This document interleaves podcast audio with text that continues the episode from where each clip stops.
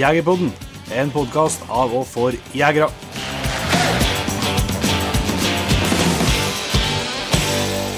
Hjertelig velkommen til en helt ny episode av Jegerpodden. Denne gangen eh, tas i hvert fall introen opp eh, Ytternamdalen, Kolvereid. Hvem skulle tro? Ja, jeg- ingen skulle tro at noen kunne bo. Nei da. Det er fint på Kolverøy, og vi er med og får lov til å være med og åpne en ny Nordvik-sjapp her. Så det er kult. Ny Toyota-avdeling på Kolverøy. Yes. Men det er ikke det vi skal snakke om i dag. Dagens episode det er med en kar som heter Kristian, som er langt over snittet, vil jeg si, ivrig på hjortejakt. Og det er ikke tilfeldig at det er hjortejaktepisode. Det er jo ikke det, det er jo premiere i disse dager. Yes. Så det er ikke helt tilfeldig. Og så har han en stor forkjærlighet eh, spesielt for hundejakta, likhet med oss. Og har drevet hardt med det i, i mange år. Og har eh, Jeg vil si at det kommer, det kommer ofte gode tips i Jegerpodden, men eh, jeg syns Kristian har en del helt konkrete tips Ja. som jeg tror kan være eh, vel verdt å notere seg bak øret etter hvert. Stemmer. Så, men vi, som vi ofte gjør, så tar vi jo en liten prat før vi gjør noe. Det er jo lenge siden vi har eh, spilt inn podkast. Det er jo snart 14 dager siden. Men da spilte vi den episode nummer 200. Yes, og det har vi fått veldig mye gratulasjoner eh, for. Ja. Så vi må si tusen takk til alle dere som har gratulert, og som ikke minst har hørt episoden. da. Det er jo helt eh, magisk at eh, vi skulle komme oss dit, da. Ja. Og så i tillegg få så mye gratulasjoner. Det blir jo nesten litt mye til egentlig, karer. Det ble i hvert fall litt mye å drive og spille inn i podkasten. Ja. Det var Men eh, det er Vi sikter mot eh, høyere mål, og nå er det jo nå er det jo sesong, og fram mot jul nå så blir det jo eh, Går av seg sjøl. Det går av seg sjøl, og så blir det bare jaktpodkast. Yes.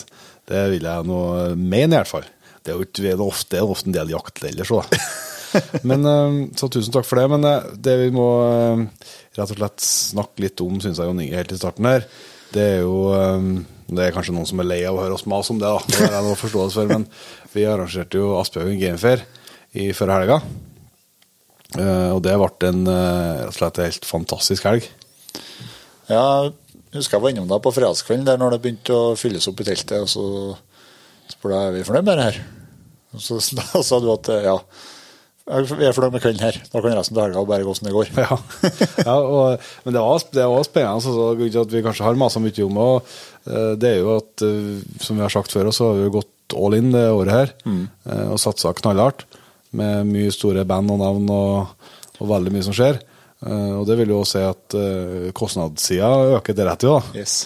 Og da er det sånn at når du er et lite selskap og tar en sånn sjanse, så er det jo sånn at går det dårlig, da, så er du ferdig. Ja. Det er ikke noe sånn at noen kommer og sier at nei, men det går jo bra, det hjelper vi opp med. Da er du ferdig. Eh, og når jeg endelig fikk eh, tilgang til å se forhåndssalget i vekka før i arrangementet sto, Ja. litt, vekka, litt over i vekka før i, da har ikke jeg fortalt deg, Jon Inge, men da var jeg inne og kikka på Finn og Tanne etterpå på hvordan ledige jobber som fantes. For da var jeg, så til, til jeg så det, tenkte jeg ok, det her, her det går til helvete, for å se rett ut. Det var det jeg var helt sikker på, for det var ikke all verden til tall. Men uh, heldigvis så skjedde det veldig veldig mye på forhåndssalgssida den siste uka før i. Det tok seg veldig opp, og, og veldig mange kom rett i døra. Som gjorde at eh, vi endte på over 5000 besøkende for helga. Og det var jo langt over forventning igjen. Absolutt. Og eh, det kom, kom mye folk både på kveldstid og på dagtid, og utstyret var fornøyd, og det har ikke vært det har ikke vært veldig mye, mye, mye negativ kritikk tilbake. Det går jo stort sett på at teltet var for lite om lørdagen. Ja. Og det går an å leve med, tenker jeg. Ja, det verste stedet, det verste. Nei, det var fantastisk artig at eh, Og det var det vi hadde håpa på. Så det er jo ikke sånn eh, som jeg har sagt til flere, jeg har snakka med at om du tjener noen kroner eller om du taper noen kroner, det er liksom ikke det som Det forandrer ikke noe i livet eller i verden. Men det som kan forandre noe, det er energi og glede og, og engasjement. Eh, og det, i den sammenhengen her så er det snakk om besøk, da, og at besøkene er som kommer, er fornøyd og, og virker til å kose seg. Ja. Eh, og det, det var det, akkurat det svaret vi håpa vi kunne få, og det fikk vi. Og det setter vi ekstremt stor pris på til alle dere som tok turen. Så, eh, og som ellers òg, både som frivillige og dugnadsfolk. Og alt var med å hjelpe oss og gjorde det mulig å få til det her. da. Ja, vi hadde ganske mange folk i arbeid på løpet av helga, og det er mange av dem som eh, virkelig fortjener en stor takk. Yes, jeg tror faktisk på lørdagskvelden var det over 50 stykker som var, var med i staben. Så det, det er jo det er betydelig, Ja, gitt. i hvert fall når vi er vant til å være to. Ja. Knapt nok to. Sånn. Nei, så det er Tusen takk til alle dere som, både, som har gjort oss og fått til det her. Det, det er helt eh, magisk. og uten å røpe for mye detaljer, så kan vi si at Asbjørn Gamefair kommer eh, større og enda sterkere tilbake igjen eh, i 2023. Yes, Så det er bare å begynne å bue seg. det stemmer. Bra. Eh, Men eh, vi skal jo ha jaktprat, det er vel det som er det viktigste. Og siden vi spilte inn podkast sist, så vet jeg nå at eh, du har åpna høstens konto, målkonto, som vi kaller det sånt. Ja. Åpna målkontoen og hadde eh, si, debut med, med nye børser. Ja. Så det var jo stas, det. Yes. Under eh, fantastiske forhold og fint vær og masse rådyr på vega. Ja. Så um, Hvordan det foregikk. Nei, jeg hadde Det var jo tre jaktkompiser av meg som, som var kommet på før meg. Og de skjøt jo eh, Alle tre skjøt sine dyr på sine første økter. Ja. Og så kom jeg og ødela hele statistikken. Sånn det bruker å være. ja. Så Nei, jeg hadde kveldsøkt uh, først, ja, med samme, samme kveld som jeg kom, kom eh, til øya. Jeg hadde med meg minstemann ute. Og vi hadde rådyrbukk på, på 70-80 meter, vi, men uh, junioren var stille, han òg, helt til bukken begynte å bjeffe litt åt oss. Da Det syns han var spennende. Bjeffa han tilbake. Ja. så, så, men det var bare artig opplevelse, det. Um, og så har vi morgensøkt ja, med masse kje og, og geiter og sånn. Og så ble det kveldsøkt, ja, og da ble øh, den øh, mange omtalte Alvar ble med ut. da. Og vi prøvde litt forskjellige plasser der. Og så rett før Olskom så får vi på en ny plass og blåste to dyr og fløyta. Og da var det en bok som, øh, som svara, så så jeg en bok som kom. Og så Den kom veldig rolig. Inn på, så begynte det å bli litt mørkt. Og så hadde jeg veldig liten kikkert. Så jeg måtte ha den signert for at jeg skulle få til et eh, forsvarlig skudd.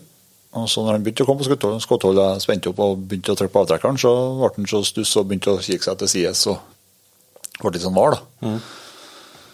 Og så plutselig bare så hoppa han, han av gårde og for. Men uh, da kom jo en eh, annen bukk som skremte han, da. Ja. Som kom uh, enda litt nærmere. Rett inn fra sida, fra skogen og ut på åpen mark. Som var enda litt større òg. Så uh, den sto ikke så lenge før han fikk en, en 857 rett i ja, Så å si bogen. Så, så bogen. så, men han sprang han sprang noen 20 meter, og så ble det noe stopp, da. Ja. Eh, så det, det, men der, med samme skaut så var det en tredje bukk som var Ja, veldig mye nærmere oss igjen nå. Ja. Så fra å liksom eh, gå småsuren litt, da, så var det plutselig så var det tre bukker rundt oss på innenfor 200 meter. Så. så det var utrolig artig, det. Mm. Jeg må si, eh, etter at vi starta Jegerpodden, så det, det Bukkjakta det er en jævla fin start på høsten, rett og slett. Ja, det plaga meg litt. Jeg har fått ut og prøvd meg i høst, ja. Eller i august, da. Vi får, eh, vi får eh, lært litt uh, solidare planer til neste år. Ja, men det ser vel ut som dere augusten har en tendens til å bli forholdsvis travel. Ja, vi har jo klebba til å ordne ordna det største arrangementet vi lager i løpet av et år i augusten. Ja, Altså. I tillegg til at jakt- og fiskedagene skal være med. Være med altså. Ja. så, det, men det, så vi må ta litt sjølkritikk på det. Men det, det går an å, å lure til noe likevel, kanskje. Og så er jo, også siden vi var på lufta sist, eh, så er jo båndtvangen eh, endelig sluppet taket. Mm. Har du fått uh, ordene dem ut? Ingenting. Nei. Det jeg bytta bort til bukkejakt? Nei, det bokkartet var nå før, Ja, før, før, ja. før. Så nei, etter Båndtvangen, eh, da har jeg vært på jeg. Ja. Jeg skal ikke skrytt med at jeg har fått vært så mye ute der, nei. Jeg hadde slipp på 21., eller da var Milla sluppet eh, Freya. Og hadde første uttak på elg. Mm. Bjeffa kanskje tre-fire ganger og kom tilbake. Så det var nå egentlig eh, ja, helt, helt greit. Ja. Hadde jo vært enda artigere om å bjeffa noen flere ganger, selvsagt, men, men det er jo ikke en helt utypisk start. da, med det første møtet. ung, ung og kvalpete i hodet, ja. Ja, det. Så, men jeg så en jeg så en elg på tur inn der vi skulle legge og slippe, og så mm, var Milda og Brage en bil litt lenger bak, så, så jeg bare merka på trekkeren hvor jeg så elgen, hvor den gikk hen. Og så gikk de og slapp en 500 meter derfra. Da. Det så jeg at du merka på. Ja, ja. Så, men da fant jeg noe sjøl på Årvær, og så var uttaket var nå på en eh, Eller trefningen, hva skal kalle det. Var nå på en 500 meter, kanskje. Ja. Så det var noe helt kurant. Og etter det og så hadde jeg flere fine runder både den dagen og Milla var ute og slapp dem et par til, og da har jeg gjort seg flere liksom fine runder. Ja. Så det virker ikke som det har noe sånn frykt for å Færre. Færre i hvert fall. Nei. Så ene turen så hadde Milla ståltrua, da var jo på, på to kilometer. Og så begynte jeg liksom å stå i ro der og tenkte at det, nå blir jeg jo. Men da viste det seg at jeg hadde funnet en harryhund, ja. En hanne? ja, som han drev og herja og koste seg og leka oppe i skogen der, da, så det var ikke, det var ikke litt så heftig som vi trodde en stund, men sånn er det nå. Men og Rex har jo fortsatt vært sjukmeldt. Han får ikke, eller får og får, men vi har valgt å ikke slippe han ennå, i hvert fall. Nå, men nå har han grodd opp, og alt ser veldig bra og greit ut, så det, noe, det blir noe fra, fra nå av. Jepp. Er vi nå i godt gammelt lag. Ja, det vil jeg si. Ja, så første lappet, da det var 21. Ja, da Jeg vet jo ikke, du kan liksom ikke si noe sikkert når du ikke har sett noe, men, men da tror jeg han for med bjørn. Ja. Um, jeg hørte et uttak som var jævlig rart. Med samme så trodde jeg egentlig at det var en, at du så det. Det høres som sånn For dere som har hørt det når hunder som ser en harry. Ja. Eh, de kan bli litt lys i målet første meterne. Det høres egentlig sånn ut. Så jeg tenkte egentlig ikke mer eh, på. Man fortsetter jo, men han kan jo gå på lange, lange søksrunder. Men så etter hvert så syntes jeg liksom ikke så ut som å søke, jeg så ut som at han var at han spåra, liksom. Eh, for det ble noen sånne ringer og, og noen som han nøsta opp noe tap på, litt sånn, følte jeg, på pederen. Men det bar seg bare vei og vei og vei, og over et fjell. og så jeg gikk tilbake til bilen og, og kjørte rundt. Eh, og når jeg da fikk den igjen på den sida, så hadde den uh, satt seg fast i jævla bratt der. Ja. Eh, men så klarte han etter litt om og men å finne vei ut eller opp den bratta likevel. Kom seg opp, og da fortsatte jeg inn i fjellet igjen. Og, og så var jeg jo inne på sporet en par turer og kikka. eh, på baksporet så heter pilleren. Da. Ja. Og da viste det seg et par plasser at det hadde gått et dyr i gresset. Eh, veldig tydelig, men ikke noe kløyver. Så det er liksom ja, Det er jo så jævlig lenge imellom at sånt skjer, så du tror liksom ikke helt på det. Nei, men så det her terrenget Jeg fulgte med på jeg òg. Men det er også det terrenget som han oppholdt seg til. Og det er ikke noe, er ikke noe typisk eh, Elgland, elg- og ferra. Det, det er ikke noe plass som elgen fer. Nei, og det var liksom oppi, opp og ned i brattene, og, men jeg føler liksom at det kunne vært jerv eller uh, gaup for så vidt, eller noe, men, men det vistes for godt i gresset Ja. til at det kan være noe til dem. da. Så øh, jeg vet ikke, det var aldri noe skjelling. Nei. Så han tok aldri igjen den i så fall. Uh, eller det kan han ha gjort uten å tørre å skjelle på den. Ja, ja. men jeg har skjelt bjørn før. Men, men uh, nei, det var uansett spennende, så det ble en perfekt sånn treningsrunde. Jeg fikk noe kobla etter to og en halv mil. Ja. Og da ble det begynt å bli ganske varmt utover dagen, så da var det noe ganske peisende jeg fikk det inn. Ja. Nå hadde han enda heftigere treningsrunde, men uh, Ja. denne veka her Han er bra på trening, egentrening. Nei, det var jo det var en kjempe Det var slepp. Da så jeg en Vera elg men før jeg egentlig slapp, før jeg slapp den. da. Og så stakk den i vei, og så på 600-700 meter eller noe, kanskje, så ble det uttak, og det sto uttaket. Sjokk og vantro, selvsagt. Oppe i fjellet der står uttaket. Det var sikkert på om det var grevling eller faen hva det være for noe. Men eh, det var nå faktisk en elg. Eh, Da var han inne på losen lenge og kikka på ei enslig ku. Sovna til jeg var inne på losen. Ja. Eh, Støkka losen gjorde du. Ja, støkka losen med snorking. Det Eller flytta seg i hvert fall noen meter. Men, men eh, støkk det en tur til, for eh, han har ikke funnet og sprunget noen ting, så jeg håpa han skulle røre seg litt. Og da ble det jo stopp igjen etter bare 500 meter, og så støkk det en tur til. Og, og da ble det stopp igjen til kilometer. kilometer. Så jeg tenkte her er jo her her er jo for godt til å være sant. Denne elgen her må vi jo ta vare på. Men eh, så for jeg, for jeg ned til fjellet og så ned til bilen igjen. Så fant jeg jeg skulle og hente gutten etter skolen var ferdig. Ja. Så jeg fikk være med på losen han òg, for det var bare en par kilometer å gå. Eh, og kjøpte inn pølse og greier, og vi skulle virkelig kose oss. da Men da i mellomtida så gikk jeg løst. Eh, og bar seg vei på en helsikes runde, om det var samme elgen eller hva det var, det, men i hvert fall en jævla runde. Eh, ja, den, kanskje den runden på alene på borti fire mil eller noe, Ja. jeg tenker meg. Eh, og så ble det los igjen, da. Eh, sånn i ja, hva skal jeg si, åtte-ni-tida på kvelden. Ja. Eh, Da var det en del kilometer å gå inn i den til losen, og så tenkte jeg at det, var, det er bratt og trollete inni her, og så at det får nå bare stå, da. Så jeg la, jeg la meg bare, og så steg jeg opp i, steg jeg opp i firetida eh, på natta. Så, men da han lagt av, da. Ja. Eller han lå og så Med den historikken her fra i fjor, så når du liksom bare ser en hund Ligger opp på peleren, og ikke det står null km i timen, Ja. så får du litt sånn eh, Litt eh, klump i magen, da, for å si det mildt. Så det bar radig inn i fjellet. eh, men jeg så at den har skjelt fra klokka to på tidslinja på trekkeren. Ja. Så jeg visste at det var los, da. Men da jeg kom inn på 500 meter, så ropa jeg på han, og da Så så jeg på peineren med en gang og kom en som, som strek tilbake. Så han bare lagt seg og sov, rett og slett. da. Han var sliten. Så det var greit, så da kom han tilbake og fikk kobla han. da. Han var glad for å se meg, jeg var glad for å se han. Det er bra. Så, nei, han ser ut som han eh, Han starta der han, han slutta, han gitt. Da blir det noe eh, Vi drar jo til Sverige nå til helga. Det Du drar på lørdag, jeg drar på mandag, og da blir det jo ei lita uke med elgjakt eller hundslepping, eller vi får se hva det, hva det blir kombinasjon. Ja. Nei, det blir jo stekeartig. Det er en fin gjeng vi skal ferde i lag med, og mye hunder og mye bra hunder og, Mm. og mye hundfolk. Så, så det blir eh, artig. Så jeg ser litt bort ifra at eh, neste ukes episode spilles inn i, i, eh, hos søta bror. Nei, men det er ikke det verste. Det er ikke det verste. Så det får vi jo komme tilbake til hva som, eh, hva som foregår da. Yes. Men vi har én stor sak til, som seg hør og bør. Mine damer og herrer, 7. september. Yes. Hvis du ikke har fått med det, da, så lanserer vi i lag med vår gode venn Magnus Hessegrei akevitten Fangstrapporten. Yes. Det har vi jo nevnt at det skulle komme akevitt, men nå er altså eh, flaskene klar. De står bare og dirrer og venter på å komme til polhyllene. så det gleder vi oss jo kjempemye til å se den, eh, se den responsen på det. Her er jo nok en investering gjort av eh, oss treene som er gjort med hjertet, ikke hjernen. men, eh, men som vi gleder oss veldig til å se om det er noen som vil slå til på. Det ser sånn ut på sosiale medier. Det gjør det. Og det er jo, eh, det er jo såre enkelt. Eh, Den kommer ut i Vinmonopolets eh, utvalg På nett, ja. på nett, så den kan bestilles der.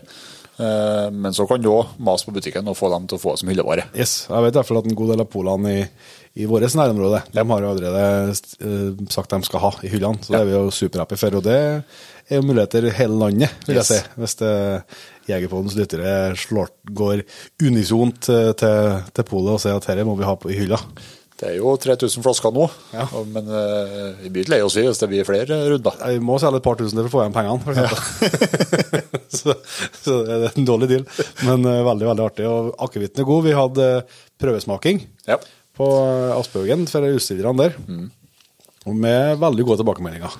Ja, jeg vet ikke om han torde å si noe annet. da. Nei, altså klart Når vi påspanderer brennevin, så ser vi ikke at det er fælt. Det, det er klart det gjør det ikke. Men, eh, men det er i hvert fall ikke Det var ingen, så ingen som Det var, det var en par stykker som sa at jeg liker egentlig ikke akevitt, men denne her, var ganske godt. Ja, så der, så der. Det var ingen som øyde, i hvert fall, så vidt jeg så. Så det skal nok være drikka. Men jeg tenker kanskje vi eh, kunne ta med et lite utdrag. For at vi har jo lagt eh, Det får dere, dere se godt og nærme på hvis dere en gang får hendene i sånn flask. Så har vi jo lagt mye innsats i etiketten, vil jeg si. Ja. Det er litt artige ting å finne. Det er siktehull, og det er forskjellige dyr inni dem. eh, Åtte forskjellige. ja. Eh, Det må vi komme litt nærmere tilbake til, kanskje. Men jeg tenkte eh, Vi har med oss som sagt Magnus Hessegrei på dette prosjektet. her, Og han er jo hakket bedre til å skrive enn jeg og du er. Ja. Så det, vi skryter ikke mye av Magnus, men det, det skal han ha. og, og han har da skrevet jeg vil si meget godt den følgetekst som er på, på flaska på etiketten. Er det ikke skal jeg lese, eller skal du lese? Nei, jeg kan ta det. Gjør det. Fangstrapporten. Et samkok mellom Jegerpodden og Magnus Hestegrei. Året er over, og fangstrapporten er endelig utfylt.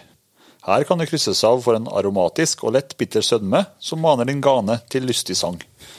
Her krysses ikke av for catch and release, men derimot full utnyttelse av råvaren, hvis smak beslektes med urkraft og brunst. Denne småtteri, vet du. Nei, nei, nei. Denne eliksir rapporteres å være destillert på den viltvoksende urten Pors.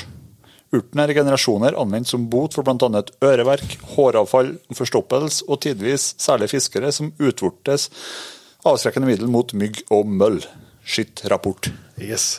Så det er altså 7. september, folkens, er det mulig å, mulig å få tak i. Så håper jeg noen eh, slår til på det.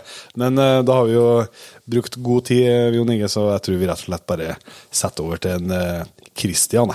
Det gjør vi. Da har vi gleden av å ønske Kristian Solsvik Hauknes hjertelig velkommen til Jegerpodden. Jo, tusen takk for det. Sa jeg navnet rett da? Så det var helt rett, veit du. Det var ikke verst. det, det var ikke verst. Du, I dag skal vi snakke endelig om hjortejakt igjen i Jegerpodden. Eh, Men eh, før vi går dit, så har vi jo litt eh, forskjellige vi må, må innom, tenker jeg. Og vi kan jo starte med at du kan få fortelle litt om deg sjøl, Kristian. Som du sa, jeg heter Kristian Solfi Haukenes, ja.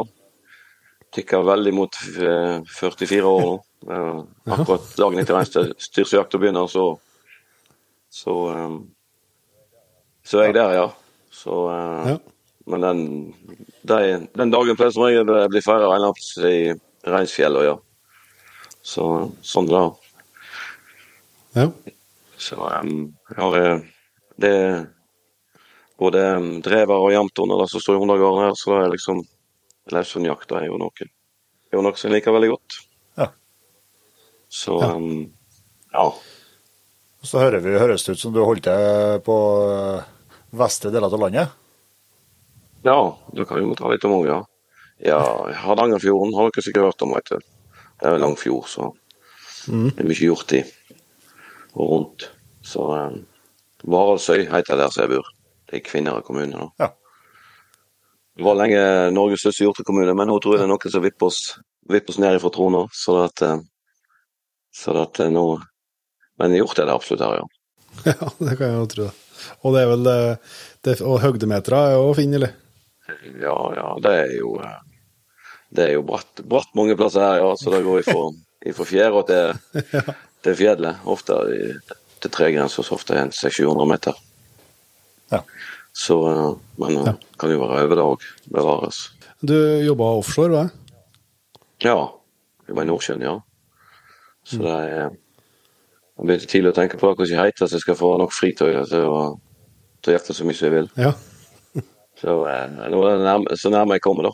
Ja. Til å ha så mye fri så, så jeg kan få jakte så mye som jeg vil. Men eh, jeg må fortsatt bytte litt turer og jobbe inn litt før høsten. For da, selv om jeg går to uker på og fire uker av, så, så er det ikke nok. Nei, det blir, det blir aldri nok, da, kanskje. Men hvor, hvor mye, når man har en sånn turnus som du har, hvor mye eh, fri kan man klare å få til på høsten? Hvis jeg jobber inn én tur, så kan jeg jo få ti uker sammenhengende. da. Det er jo, Ja. eh, det er jo greit. Og, Ja, ja, ja. Det begynner å hjelpe, da. ja, var litt timer i skogen for de ti ukene der. da. Men eh, hvordan kom det her jakta hvordan starta jeg på? For da var det, var det før du forførte hælene til far og bestefar, eller er det noe som har interessen kommet Ja, Bestefar min han var jo ivrig, ivrig jeger. Og Ja. småbruker. Hadde jo gard. Ja. Og, eh, det var jo eh, hjortejakt, og det var jo eh, Det var jo en stor del av husholdninga. Både før krigen og under krigen. Og ikke det ikke det, ikke hadde våpen, så var det jo, var det jo litt De hadde lurt, lurt vekk litt, så at de drev nå småjakta litt over. Men, men eh, ja, så fra at jeg var liten og begynte å være med han, så var det jo han som så dro meg med rundt om på, på jakt, ja. Men det var liksom ikke samme. Jakta mye da, men det var liksom Har de gjort det to, så de, var, de hadde nok kjøtt, så var det liksom mye annet, mye annet de gjorde, de gjorde på det. Så det var liksom mer på det, det nivået. Ja. Så var det jo mye mindre gjort da, i hvert fall. Når, I den overgangen jeg ble, begynte å være med han, og, og de årene framover der, så, så det var liksom sånn som med spor som snakket vi om det. så det har jo vært en veldig øke, øke i bestanden etter, Ja. etter den tida. Altså, du har fått vært med på, du har fått være med på store deler av oppgangen, du, da. Ja, veldig, veldig Veldig stor del av oppgangen har jo vært nå eh, etter jeg begynte å jakte, kan du si, fra jeg var, fra jeg var 16 år og fram med 15-16 år oppe. Så det har jo vært en eh, Ja. Ufattelig øke i bestanden. Det har det vært. Så, eh, så nå er det jo kan, Jeg vet du noe med på liksom det, Vet du noe med på de terrengene du har? Liksom, hvor mye mer skjøt dere nå enn dere gjorde når du starta? Altså på den heimgården der har vi tre gårder. Der hadde vi i uh, Når jeg begynte å gå på jakt, så hadde vi vel da hadde vi fire dyr. Både eh, på 4800 mål ca. Og nå har vi vel 11-12 på samme, samme terrenget. Ja. Så det har jeg gått opp litt. Ja, det var det. Tredobling. Ja. Så um, det, det, det er et godt terreng, da, men det er jo nok igjen ikke det terrenget vi jakter på rundt om som har absolutt mest gjort. Så at det er andreplasser, så har du nok kan du nok ganger med fire i forhold til da vi begynte. Så, Um, men i mange av de terrengene som vi har nå, der har vi nok har vi nok vært på topp, og kanskje, med, kanskje bestanden er nok litt på vei eh, nedover. Til kanskje bøndene sin, sin glede. og Jegerne som er vant med å ha masse dyr sin litt frustrasjon. Men sånn er det ikke enkelt å, det er ikke enkelt å gjøre alle til lags der, altså. Nei, og det å klare å treffe eh, akkurat på planken år etter år når det kommer til uttak, det er jo, ikke, det er jo kanskje vanskelig da. Samme hvor det er. Det er helt klart. Og hvis du tenker som jeger, og sånn, så er det jo glad at eh, Vestlandet og, har jo masse fjell og daler og sånt som han gjemmer seg vekk i. Så han ene er vekk i, i, fra snøen fer til snøen kommer, så han har jo lengre perioder det hjorten gjemmer seg vekk der, da. Og da er- så det- fylles ofte på. Sånn som her på den øya jeg bor, så er det jo kommer det ja, utpå høsten når det gresset begynner å gulnes i fjellet og kanskje det kommer litt snø òg, så fylles det opp med hjort her, altså. Det er likt for mange, mange til lavtliggende terreng. Ja. Da, da trekker, han, trekker han ned og til bedre beite, ja. Ja, så er det nå vel eh, ganske mye sånn avsides fjelldaler som er veldig vanskelig tilgjengelig, og sånt, der han får stort sett være i fred oppe, jo, sikkert. Det er slutt en hel del av det, ja. Og, eh, og, så du har, har han jo sine naturlige gjemmeplasser der. Ofte brunst brunstområde òg, så har han jo. Så kommer de hjem derifra da, når eh, brunsten er unnagjort og, og eh, ja, blir dårlig beite. Så, og slik kan det ikke snø. Hvis du får snø tidlig, så plutselig får du masse tilsig med dyr mye tidligere enn du er, du er en vanlig dag. Så eh, det er liksom eh, alltid spennende hver høst når det trekkdyr kommer. Så ofte du må være litt, må være litt forsiktig da tidlig, så ikke du har noe, alltid noe stamdyr som holder seg.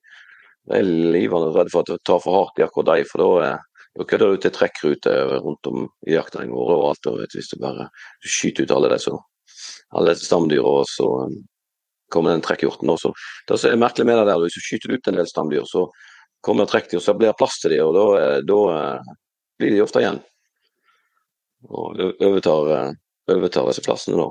Så med så stor kvote det i dag, så er vi jo, er vi jo avhengig av avhengig av at det siger til dyr, ja. Om det er både på jakter på fastlandet, det er akkurat likt det òg.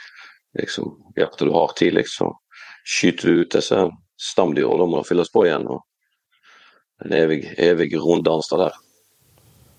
Ja. Men dere, ja. du er i et område der dere har fått eh, tidligere jakt nå, eller? Nei. Det er. Med randsonene rundt uh, Hardangervidda som har pga. den CVD-en. Eh, så vi, ligger litt for langt vekk ifra. Uh, var det hjort som var første viltet du skjøt uh, sjøl, eller? Når du debuterte? Ja, nå- Som jeger, vil du merke. ja, som jeger, ja. Den, det kan vi ta. Ja.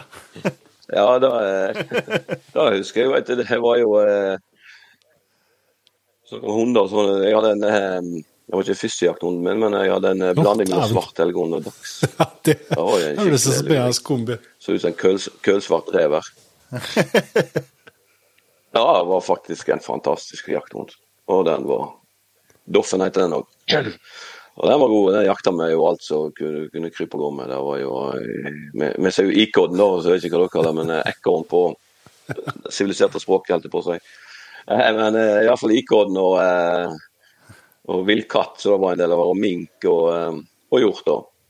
Så eh, da var han med meg, så var han jo giras på hjort. da. Og så han, eh, hvor vi skulle jakte hjort, så ble det ofte ikonloser og katteloser og alt mulig. Men så han skjøt alt mulig for den hunden. Men da var jeg iallfall på, eh, på jakt, da. Og brukte han faktisk, det gikk faktisk med han i band. Så spor det på hjorten lenge. Og så um, der lå det en, en fin bok borti, bok borti ei uh, olderli, og så reiste jeg opp der. Og jeg klinka på han. Jeg var han datter, vet du. Kom bort der, så gikk han på Jeg hadde han bare tre føtter. Den ene var helt av i kneleddet framme. Så eh, da tenkte jeg faen, var det som gjorde at jeg fikk at jeg på? Jeg var jo så gamle kar. så eh, var jo 100 kilo alene helt oppe i fjellet, så hadde jeg jo jobb. Jeg hadde jo jobb noen timer da. Ja. Så du glemmer ikke, glemmer ikke den fort. Nei, det er bra, bra premiere, det. Ja, jeg går jeg gå bortom den der, eller i nærheten av plassen, svinge innom den der. Det er nesten hylla i fjellet. Jækla fin plass. Og um, må jeg innom der og Jeg husker akkurat hvor han, hvor han datt til noe. Han er på kvadraten der. akkurat der, der lå han. Ja. Så er det, Tøft. Nei, er greit, vet du. Spør du om de jeg skjøt i fjor, så husker, så husker jeg ikke de så godt, for å si det sånn. Nei, nei. Nei. Nei. Hvordan eh, ser eh, jaktåret ditt ut nå, Kristian? Hva er det mm, hjorten skjønner satser på? Hva mer jakter du? Vi har litt reinsjakt som regel. og eh, Det er jo det med bytting på jobben. Så lenge jeg får til å ordne meg alt, så er det det reinsjakt um, 20. august. det er liksom Kanskje jeg har en tur ut og jeg et jaktterreng på fastlandet der det er litt rådyr òg. Der kan jeg jakte litt bukk. Men ja, ja, mener jo gjerne en tur og to, men så pleier vi å spare litt til dags når dreveren, holdt jeg på å si. Men, eh, men alltid så er det i hvert fall eh, alltid eh, da. 20. Der har jeg faktisk litt jakt, så kan begynne, jeg kan begynne på 15., men jeg vet ikke om jeg pga. den CVD-en så framskynder jakting. Men eh, i år så vet jeg ikke om jeg rekker, rekker det før 20. Mm. Så begynner jeg med det, ja. Og så er det jo hjortejakt, og begynner jo 1.9. Og så er det jo eh, hel- helgejakt da, den 25.9. Hvor er reise- hvor- hvor er reiseland da? Eh, Hallingdal. Ja. Der har jeg vært i ganske mange år, legger nok terreng der. Ja. Og så hadde jo vi så vanvittig flaks i eh, lottotrekning oppe i natur at vi fikk et terreng oppe i Grimsdalen på Dovre. Så det ble en tur der òg. Så ja, det var julaften og, og påskeaften alt på en gang. Ja, det er vi ble trukket ut der. Så går det jo slag i slag da, helt til jul med både, både elg og hjortejakt om en annen. Også litt rådyrjakt inni, innimellom. Det er jo ikke Det er jo ganske lik jakt så hjortejakt med, med småhundene da, så da er det jo da Det er jo, det er jo ofte litt, litt mindre tid til det. Det er rådyrjakt, men det er jo, det er jo savla moro det òg. Så da går det jo slag i slag helt til jul, da.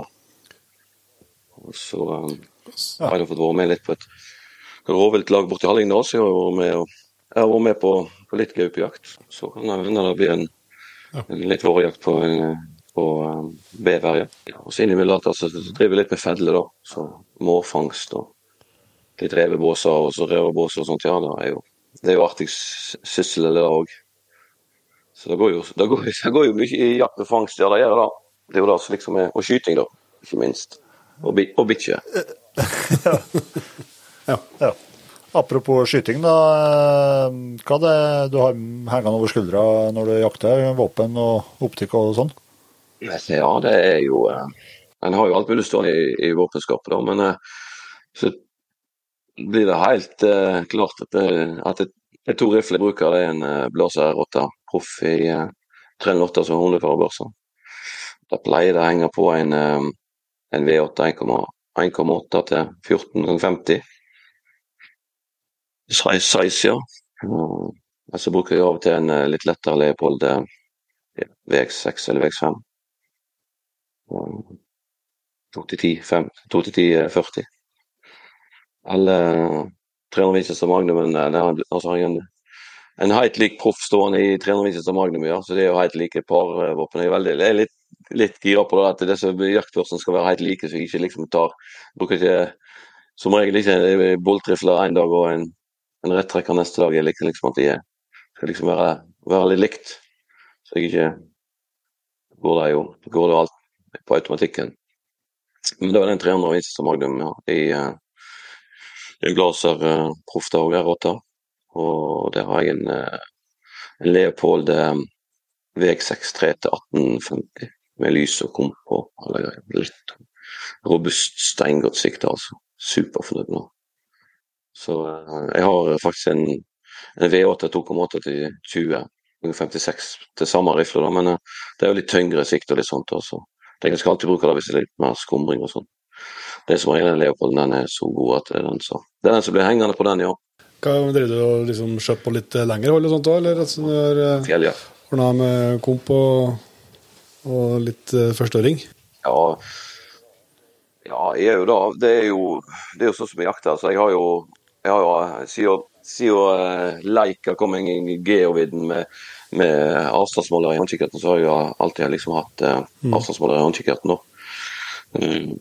For sånn som jeg ofte jakter, så kan godt hende ta Dagsnell-dreveren og gå i band eh, oppe i Høgfjellet og sitte og kikke tidlig om morgenen. Og eh, Da vil jeg som regel 300 viser Magnumen. Og så setter vi inn og kikker da utover formiddagen, og så kan en finne noe, skyte noe, og så drev Arnald Dagsen dritfrustrert, da. Helst eh, når han får være med fram på buss til slutt. Var jævlig lystløs. Nå må han jo vente litt på tur, da. Og så eh, da vi en har slakta og, og han har fått litt eh, godbit av den der, så, så blir det sluppet, da. Så da, eh, da er det kroneførerbørse, så da er det 300 da, men det går fint med den òg.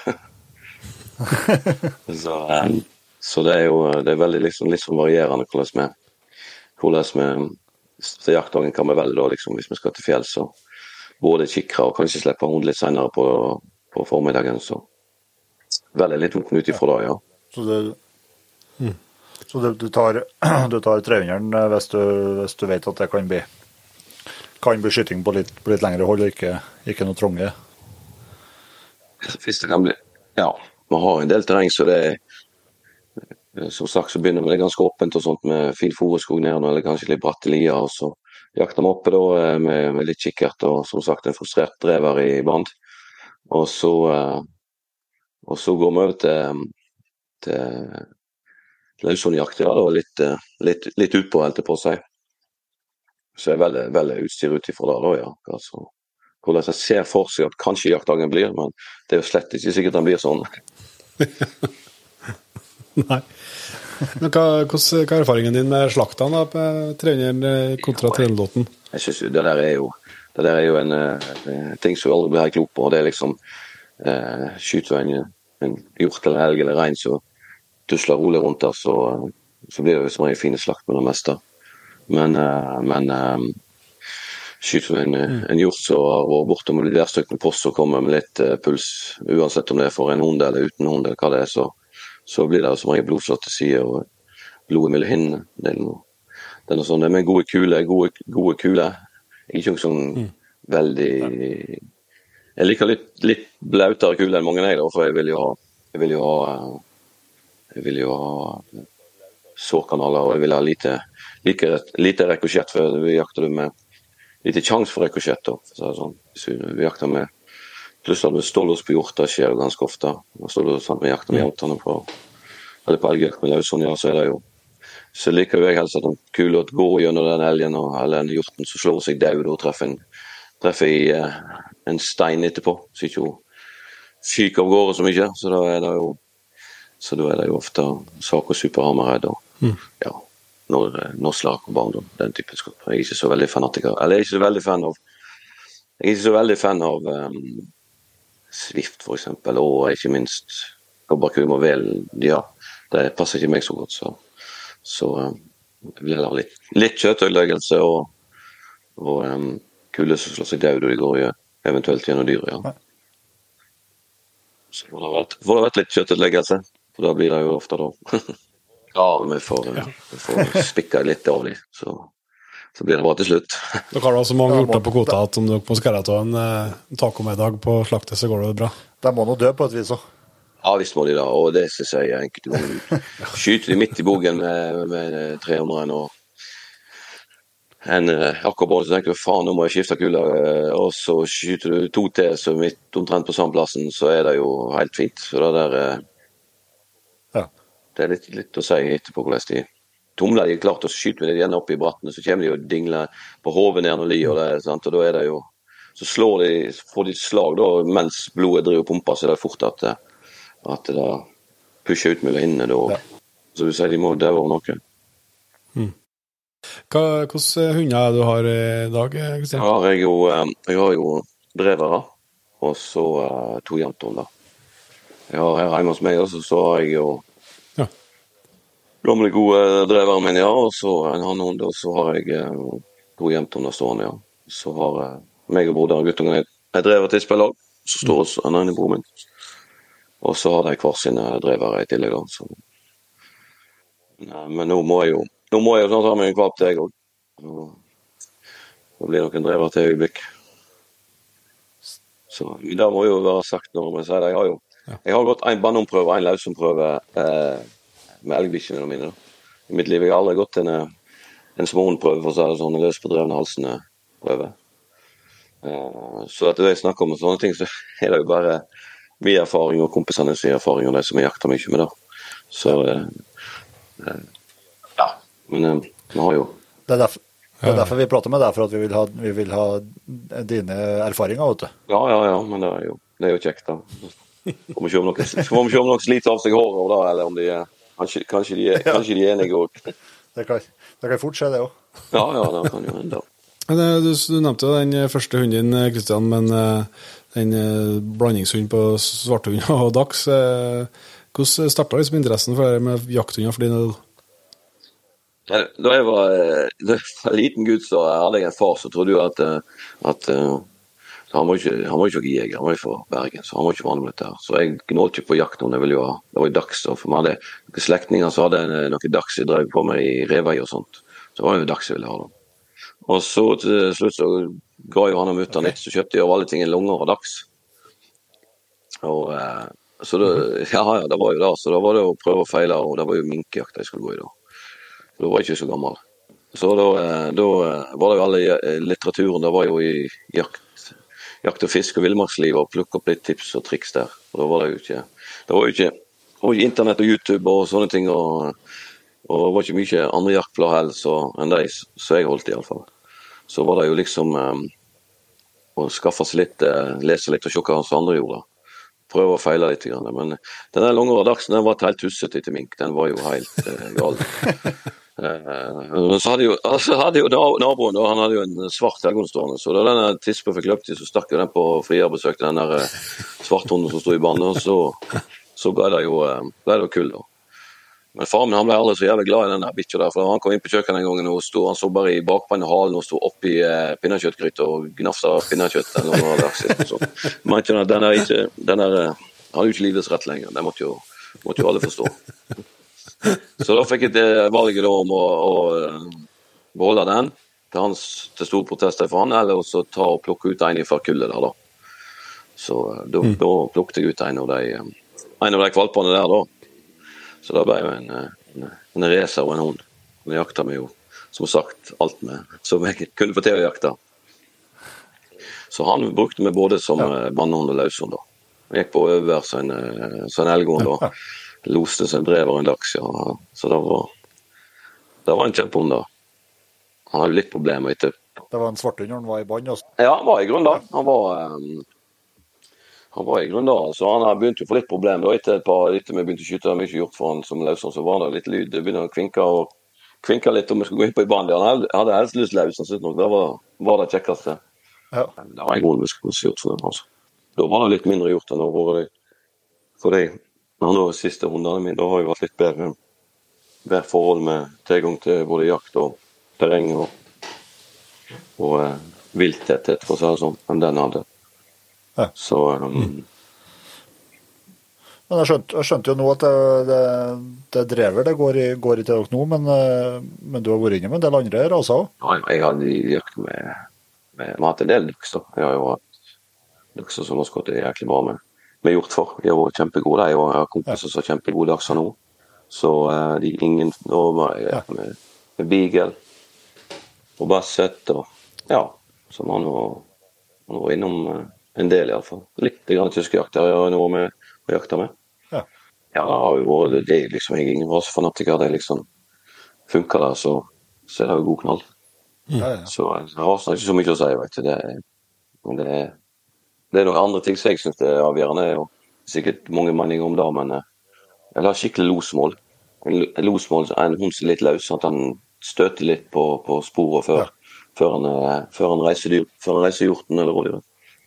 Eh, Så de vet han kommer. Da blir det finne loser. Hvor liksom om det er da synes liksom Der har jeg mest, mest erfaring da med, med dagsdrevet. For jeg vil ikke ha Jeg er ikke så veldig glad i det så jeg stiller helt fram til uttaket, og så etter et skikkelig brøl, og så går det som regel rett ut i ut et stykke da, før du er i nærheten og får deg til å ture litt. Og det er jo ikke alltid så greit for disse litt mindre vestlandsterrenger.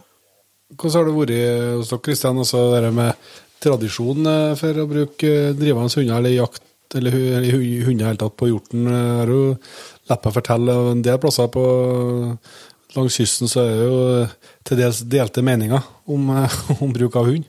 Ja, ja, ja det er jo det er jo da for så vidt eh, en del runder mer òg, da.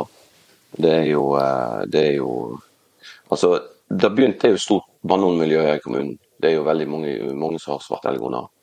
Eh, og når de begynte å bruke det òg, så var det jo det store protester for eh, enkelte. De vil jo ikke de vil jo ikke ha banehunder heller, og eh, samer har jo vært. Og det er jo de enkelte da, at de mener at kommer det en, kommer en løshund inn der, så, så da er det los der, så er jo det terrenget tømt. Det er det jo absolutt ikke. Ja. Så det er jo klart at Men Nei. en prøver jo å være flink. En prøver liksom å legge opp dagen sånn at en Hvis, det en, hvis du har en nabo som har 500 mål i en teig der, så gjør du hva du kan for at ikke, at ikke for at ikke losen skal gå inn til han, da, for å si det sånn. Du gidder ikke lage noe. Det er greit å ha har du liksom, Er du, er du, eh, er du litt, eh, er du litt uh, smart der, så, så prøver du å unngå det. Jeg har jo litt terreng, forskjellige terreng. og Hvis jeg er ute alene en dag med drever, så velger jeg kanskje ikke å gå og jakte i det terrenget. Så, er- så det er veldig lett for at han går over til en nabo som absolutt ikke vil ha ikke vil ha um, hundene inn der. da. Så da velger gjerne et litt større terreng der, eh, der eh, sjansen er mye mindre for at det skjer. Og, og det er enklere å forflytte seg for, bare for rett og slett for, for å plukke opp hunden, så ikke han går inn til noen da, som ikke, ikke vil ha det. Så eh, hvis en er litt, litt eh, smart i, i utførelsen av jakta, så går det der eh, det er veldig godt. De, de terrengene der når det er vindforhold til det, og at du kan sette liksom en postrekke mot, mot naboen der, da, hvis du har, hvis du har rett vind for det. Eh, at eh, at du en- ja, gjør så godt en kan for å prøve at å prøve å mm. irritere naboene. Der, der kommer det jo ingenting godt med. Så det er jo bare å gjøre sitt beste. Nei, nei, nei. nei, nei, nei. det er klart. Men det, det er litt rart Det er litt rart der, liksom, at det virker seigliva, den her Jeg opplever det som en myte, sant? Altså at eh, en hund som drar gjennom i los, eh, skremmer fullt av dyr. Vi har jo så mange eksempler på at det ikke, ikke er sånn. Men eh, det er liksom så rart at sjøl selv liksom, ja, dyktige jegere, ivrige jegere, kan tenke at det er sånn, og så kan de like dagen etterpå gå i driverrekk på ti mann gjennom samme terrenget, og så tenke at det skremmer ikke noe hjort. Eller elg, eller hva det skal være. Da ser jeg prøver liksom å Nei, nei, det er helt sant. Det som jeg prøver også, det og det jeg argumenterer med dette, her, så sier jeg at at eh, den hjorten, hvis du, hvis, den, hvis du har, du har, eh, du har eh, jaktterrenget ditt er 1000 mål, og der eh, dunker lo, losen eller 2000 mål eller 3000, det har ikke noe å si, men inni dette terrenget så går, går jo losen, så går han igjen i noen timer. Og så har du sett at uttaket er f.eks. på ei ja, på en eller en kolla, en kalv, eller hva nå det er. Og så da etter to-tre timer så er, det jo enda los på de samme dyra. Så er det som sier at da er det jo kun disse her dyra her han har sett i skikkelig bevegelse. Det er jo kun disse dyra her som så blir de litt forstyrra av den hunden og som at vi er på beina. Alle disse andre hjortene som er her, de, de, ligger jo, de ligger og tygger drøv og, koser seg. Jeg har sittet så mange ganger og hatt med meg grunneiere òg som sitter og sitter på at eh, han trodde ikke sine egne øyne. Losen gikk, og der, og, eh, der lå det tre koller og en kalv en plass og tygde drøv. Losen gikk 50 meter på sida på dem. Han så ikke at og de sluttet akkurat å drøvtygge akkurat når, når losen gikk forbi. Og så da losen forsvant, så begynte de, lå de der og, og drøvtygde hjorta igjen. Og så lå det en spissbukk Nei, kolla da, den lå liksom en annen plass. Der gikk losen enda nærmere forbi, og de lå helt i ro og bare kikka på seg. Så var det jo en stor kolle han los på den dagen, så den skulle jo ikke vi ha. så mm, De hadde liksom andre skytbare dyr, da, så, så um, skjøt vi jo faktisk den spissflokken og den um, ene fjordkolla i den ene flokken. Så da var det liksom, da, da var det liksom uh, ja, Den hunden den forstyrrer jo ingenting. Hadde vi gått uh, en mann der på samme plassen på snikkjakt, så hadde vi støkt ut alle, mente han. Da tror jeg òg du har helt rett i. Så, så um, ja, det Men uh, jakt, jakt Jakter du mye alene, eller er dere et jaktlag som eh, ofte det, det blir faktisk at vi er mest en god gjeng i dag. For det er jo sånn at vi, vi er jo en hel gjeng offshorearbeidere. Så at uh, både broren min jobber offshore, og guttungen jobber Ja. offshore, og masse andre kompiser jobber offshore. Så at vi har jo litt Vi har litt uh, Vi er som regel ja. meg og guttungen og broderen og, og kona hun, er ivrige. Vi er mye ute i lag. Så er det en del andre kompiser som er med òg. Dere har sam, Så samkjørt at, eh, eh, turnus sammen, da? Ja, vi prøver så godt vi kan å få det samkjørte, ja. Så, eh, før så var det mye at jeg var mye alene på jakt, altså, men det er mindre og færre og færre dager at eh, jaktradioen eh, ligger hjemme. Som regel, som regel så må den lades, eh, ja, for med flere som skal ut.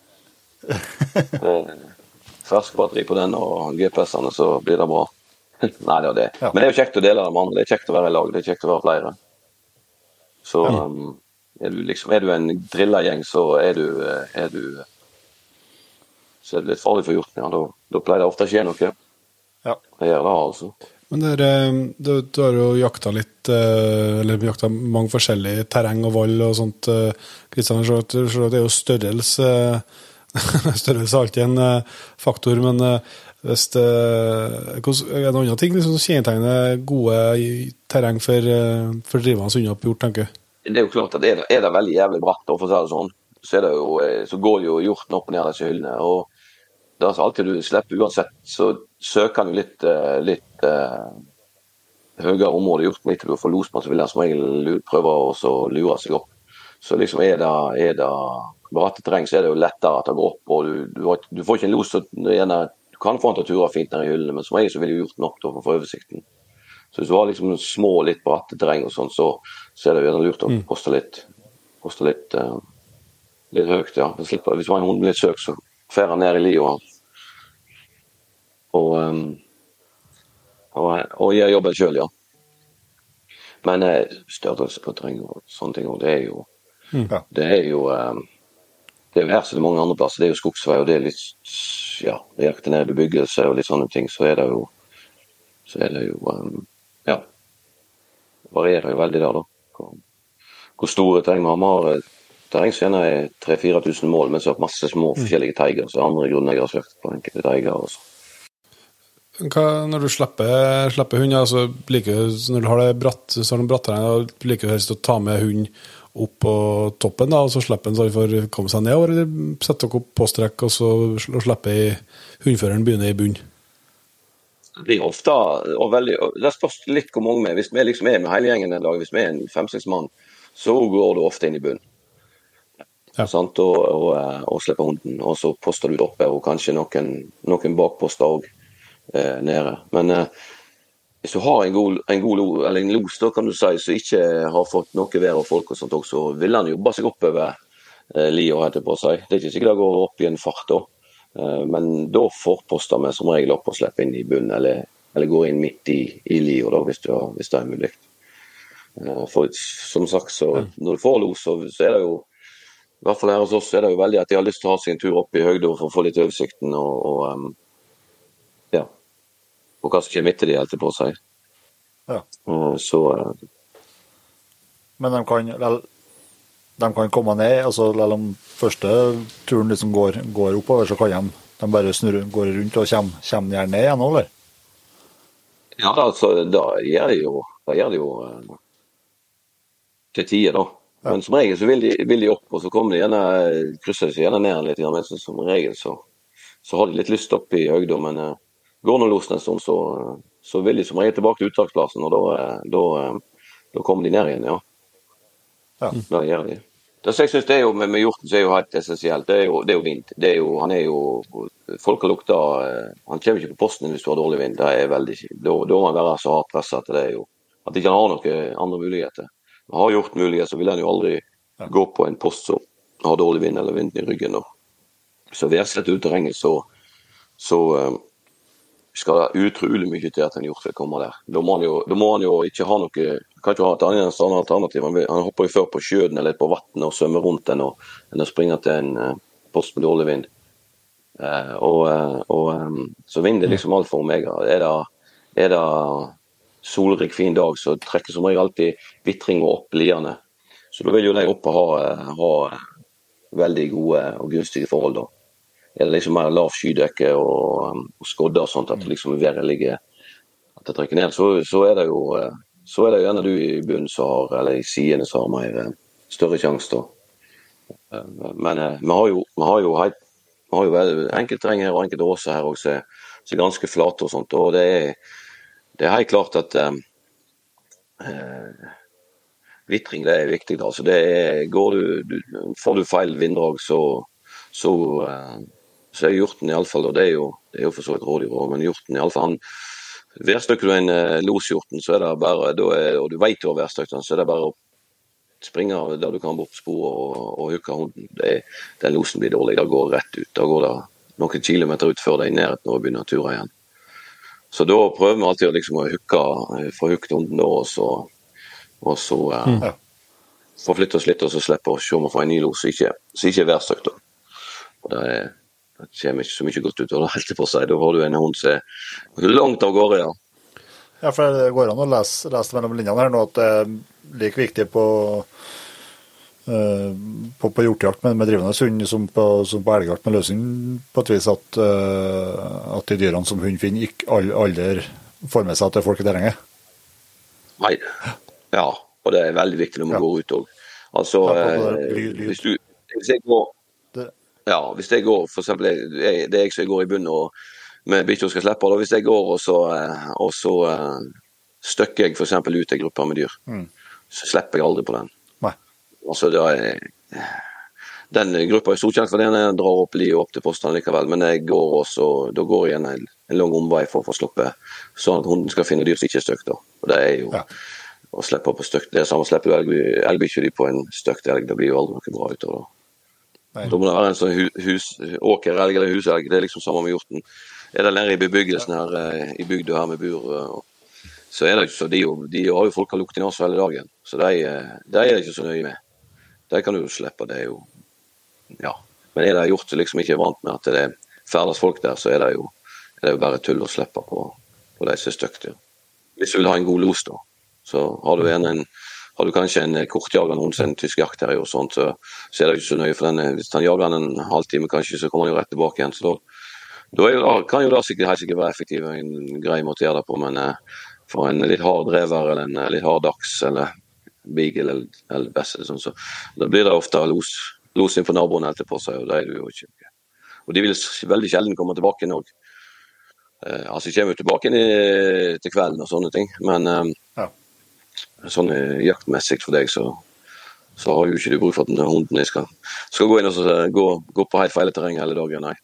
Men du ser når du går som hundfører, Kristian, da, og du får debuttak Du, du sa at de ofte vil tilbake til uttaket, så du, da er det, en, det er liksom, blir det fort posten til hundføreren, eller?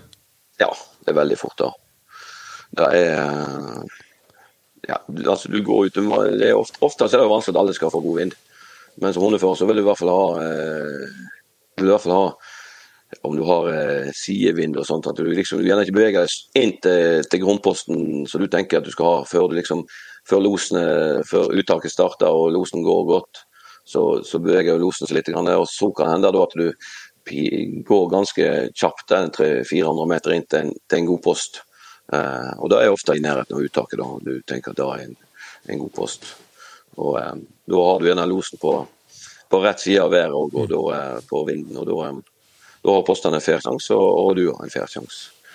Og, og, Det er faktisk veldig ofte at vi skyter i nærheten av uttak, altså.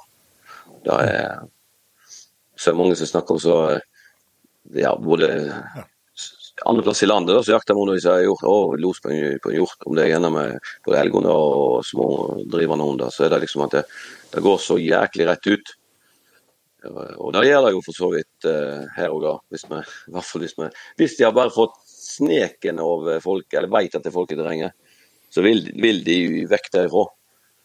Så uh, jeg tror kanskje med hjorten så er det kanskje enda viktigere enn uh, en, um, at, at ikke han har en minste mistanke om at det er folk i, folk i nærheten av han. Både poster og så slamrer forsiktig med bil. Altså, men dette her også er litt sånn at det er litt, litt etter hvor du er. Er du liksom nede i bygda der elg og hjort og rådyr alltid er vant med dører som slamrer og folk som snakker og sånt, så, så er liksom ikke sånne ting så nøye. Men er du på plasser der han ikke er vant med at det er folk, så må en være steikende forsiktig med, med både å bli sett i silhuett og når du går til post, og, og uh, at vinden er rett. Uh, snakking og skurring på radio og mobiltelefoner som ringer. Det skal ikke mye til for den losen går, går langt ut hvis det, han har mistanke om at det, det er noe på gjerdet. Ja. Men er du, er du heldig og kommer deg eller er flink nok til å komme deg på post med god vind, rett vind, da, og eh, hundeføreren går inn, eh, går inn uh, ja, uten, uten, å, uten å støkke eller forstyrre noe dyr og slippe, så får du ofte kjempegode loser. altså. De kan jo ture så fint etter det. og Jeg tror jo nesten en hare du har, har los på. Ja, for klart, altså, det er, jo ikke noe redd, de kortfotingene når de kommer. liksom, De, er jo de utgjør ikke noen, noen fare for en sånn sett. Nei, nei, nei. Og da, og da der, jeg har sett på hjorter som kommer i, los, i full los og legger seg ned i, i badegropene sine og rudler seg. og eh, Så myrspruten står vet, og ligger der og vifter, og du ser de vifter med ørene, de er jo helt bedagelige. Altså. Til og med bikkjer på gjerne på 15-20 meter så reiser seg opp og rister molda av seg. og Det blir en liten stålos, kanskje. sant, og, og eh, Kanskje han gjør et utras til hunden og, og så tusler hjorten videre igjen. Eh, det er jo helt det har jeg sett så mange eksempler på. at Så lenge ikke den hjorten er så lenge ikke den hjorten er støkt, og folk kanskje ikke han er værstøkt, så er den hunden bare han synes, Det er nesten så av og til du ser på han, så han synes det er artig å drive på med den der eh, hunden. og så du en kort stålos, så kanskje hunden blir stille litt, og sånn, så da gjør hjorten litt utdrag og så luffer han av gårde igjen. Eh, det er jo ingen panikk i det hele tatt. Eh. Men med en gang han får være av folk, mm. så blir det omtrent så blir det et helt annet dyr da blir han helt umulig å ha med å gjøre. Da, det, da, skal, det, da skal det vekk. Og mm. Da er det ofte de postene som sitter høyt, som eh, får eh, besøk. Da skal han Han vet han er jæklig god til å springe i motbakke, så da, da vil han opp i, i hvert fall opp i høyden. Ja, men da skjønner jeg at det med planlegging er essensielt. Altså, sånn, det er en ting å, å tenke på hvordan vind skal være for postrekka, på et vis, men det er jo det er jo like viktig å tenke på hvordan vind er på tur opp til der du skal sette post, og, liksom, og, og tenke flere, flere tanker liksom, når jakta skal planlegges. Da. Ja, for at det, sånn som jeg liksom jakter, sånn, så planlegger jeg ikke mye at, skal, at, det skal være en støkt hjort som skal komme på post. Sant? Det er liksom ikke det som er greiene med, med, med, sånn som jeg jakter hjort og, og rådyr med, med disse småhundene. Det er liksom, Vi vil ha en god los. Sant? Da, da kommer hjorten rolig og fint i eh, og stopper. Du får jo du får eh, gode skuddsjanser. Eh, du og rådyra er stygt og de kommer, i, kommer, fort, så er det jo, så er det jo verre, da. Men eh, det skjer jo, det skjer jo titt ofte da, sant? at så er hjorten innom en post, og så blir den stygt. Du ser det med en gang, det blir en hestesko. Og så drar det av gårde. så liksom Da ser du en ferie i rett linje. Du kikker på Garmin, så ser du oi, yes, der ble stygt, ja. Da ser du at det er rett linje. Da er det ingen bukting, bukting lenger. eller noe, Da skal han vekk. Eh, og det er veldig ofte det er da han gjør den feilen hjorten når han går på en post og blir skutt. Mm. Eh, det er jo etter han blir støkt. For da, eh, da, er han liksom ikke driver på å lure i disse vanlige stiene, da skal han vekk. Og da, da har han satt på, satt på um, turtallet og, og gjerne ikke, da bråker han mer. Han, Sansene hans er nok ikke er nok gjerne ikke retta så mye, mye, for det som ligger framfor han. Det er kanskje det som den uh, der han kommer ifra, på seg, der, så, der så han har kjent den menneskelukta som han vil vekk ifra. Så da, eh, han blir nok mer uvøren, så det er nok, eh, Vi skyter nok en hel del hjort eh, så han nettopp vært innom og fått, fått værdraget og så videre mm. utover området. Men det er jo ikke, det er jo ikke de som de kjekker til, liksom den gode losen når de kommer helt, helt rolig og bedagelig. Og, og, ja, ser ut som omtrent de koser seg i hunden sin nærvær. Liksom, de ligger, ligger gjennom bare 20-30 sekunder framfor hjorten. Nei, framfor, framfor hunden, ja.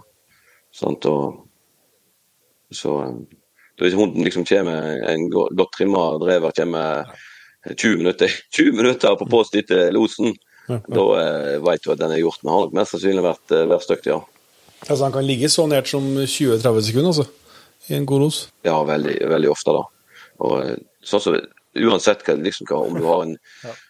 Altså, det som jeg sier med losmål, det er i hvert fall noe som jeg har erfart, og noe som jeg syns er veldig viktig at du har en jevn, god, god losføring. En hund som liksom er de gode, siden ikke du har tap, tap for hver 50 meter, sånn, så blir hakket til loser og liksom ikke minnet på igjen. så det er hvorfor for, og, uh, Har du en hund som liksom har jevn, god losføring, og, og, um, og uh, dyret liksom ikke er støkt, da, det, da blir det gode loser. så Da ligger de ofte helt i helt i hælene på dem. Altså. Det er ganske godt mange hjorter, så, så jeg har liksom det var 20 sekunder maks mellom hjorten og hjorten og hunden. Ja. Så det, er, det, skjer, det skjer veldig ofte. Så Varierer det litt ut ifra Varierer det litt ut ifra rasene, eller? Og, og, jeg syns ikke så mye. Jeg synes det er grunn Jeg sy- Det er mål, målbruken, Jeg eh, losen. Ja, målbruken og måten de jobber på, altså. sant? Det er jo eh, Ja. Jeg har hatt dags og hatt kleine søk, dårlige søk, og må gå mye med de. Og Da blir det jo ofte dårlige loser det går rett ut. sant? Og så, så har du hatt eh, jakta med litt harde drever med godt, godt målbruk. Det var lett derfor jeg gikk over til drever. for det, det var enklere å få gode søk på dreveren. sant? Han var eh, det er en større og mer robust hund som lå ute i, i lengre søk. og Da syns du får gode loser. Om du har en eh, hund så, så en dags f.eks. som er veldig taus, ingen eh, støting på spor, og, og han, uttaket blir så går det ofte, går ofte litt eh, rett ut av. Eh, men, eh, men om du er en god dags, eller en god basset, eller en god drever, eller, beagle, samme hva så, er- så lenge liksom, syns jeg losføringen er god. Hjorten hele tida veit hvor, eh, hvor han har den hunden.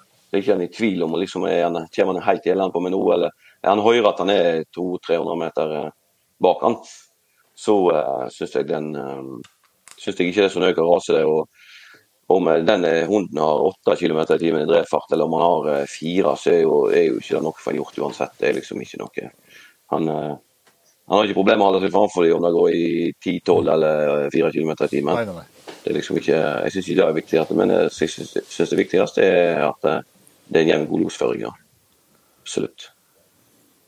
Og søk, ikke minst søk. Altså det, det som sier at du kan si hei, du, du, du, kan, eh, du kan gå med den hunden i, i, i er vann hvis du har poster og det, det er liksom enkelt å poste ut terreng og sånt. Så kan jo, da har du ikke så mye å si, men skal du liksom ha en god los, og du kanskje jakter noen dager alene, så er det jævla vanskelig med noen du må gå med, gå med mye, da kan du si, før han eh, Om han har så ferske spor at han, eh, han eh, stikker av gårde, så er det ofte at det, du har støkt den hjorten, han vet om deg. Så um, da er det nesten bedre med en hund som en som jobber sånn, da er det nesten bedre å finne, finne Du vet hvor hjorten på, på um, råsene til hjorten at du går og finner ferske spor og slipper han rett i sporet. Enn liksom å gå, gå rundt i terrenget for å få i gang en los med en hund som ikke har lyst ut, så er det da er det i grunnen bedre å, å slippe han rett på ferske spor ifra en skogsvei eller en, ja, en, eh, en bakke sant, der hjorten går over morgenene.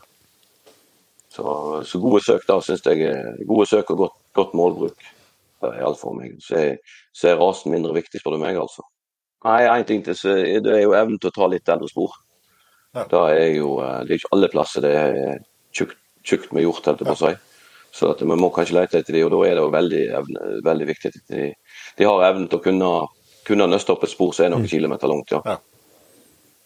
Da blir, det, da blir det veldig effektivt. Det vil si at du, du tenker at eh, målbruken er viktigere eh, for å lykkes uh, alene eller i små jaktlag skal jeg si, enn drevfart. da. Ja, det syns jeg, jeg synes det absolutt. da. Med disse små hundene så er det jo, jo klart at det, en liten han jager senere som regel enn en brever eller en beagle eller en basset, ja. Men, men jeg har jakta med jeg tror det, Den kjappeste hunden jeg jakta med, tror jeg er en basset fau. Eh, Med litt eh, glissen målbruk, men det var jo jævlig yrkesmaskin. Men eh, den losen den brukte stort område, altså. Det var ikke, det turde, det turde ikke på små områder med den. Mens den dreveren min, så kanskje da han var i sine velmaktsdager og lå på en ja, Da han var i god form, så kunne han jo ligge på 8-9 opp i 10 km i timen hvis det var terreng det var litt flate terreng. Og da turer jo fint som tusen. Så har man dagser så jager i fire-fem og litt tause, og da går det rett ut med de òg. Jeg, er ingen rasefanatiker. Ja. Personlig så har jeg mest tro på det. da, at det er Målbruket og søket og evnen til å ta kalde spor, så er i hvert fall, det er i hvert fall noe av det som jeg ser etter. Det er det. Så det er sikkert, sikkert mange meninger om det. Men du, du snakka litt vi snakket om, eh, vi snakket om eh, våpen i stad. så litt om du ofte gikk opp og kikka litt i kikker først, og så jakta med, med hund eh, utover dagen. Er det sånn dere helst legger opp jaktdagene? eller? Det er veldig varierende. Det er jo hvordan vi Det er ofte vi starter gjerne starter Vi går gjerne ikke ut med gå ut i ni-ti, kanskje. Og så jakta jakter vi området i nærheten av eh, innmark. Sant? Vi, har, vi har kanskje noe vi må gjøre i, litt utpå dagen. Og da er det jo eh, jakt i gjerne i nærheten av bygda og sånne ting. Da. Og da, er- da er- velger vi utstyret litt ut ifra det. Da er det jo den eh, Larsen i 308 vi bruker da, vet du. Så eh, da, da, får, da, da slipper vi ofte mer og eh, gjerne rett på spor. Sant? Gå ut på en, eh, Vi vet det har vært dyr på en, på en bakke den dagen om natta. Så kommer vi der som vi vet at de pleier å gå av, da, og så poster vi rundt der og slipper rett inn der, da. Og Det kan jo være et mindre, det kan jo være en mindre, det kan jo være en ås på 200 mål, 100 mål, 50 mål. Og Da er vi kanskje ikke så nøye på, eh, så nøye på eh, om det, om, vi er nøye på vind, for du får, som sagt, den kommer ikke ut ikke det var god vind.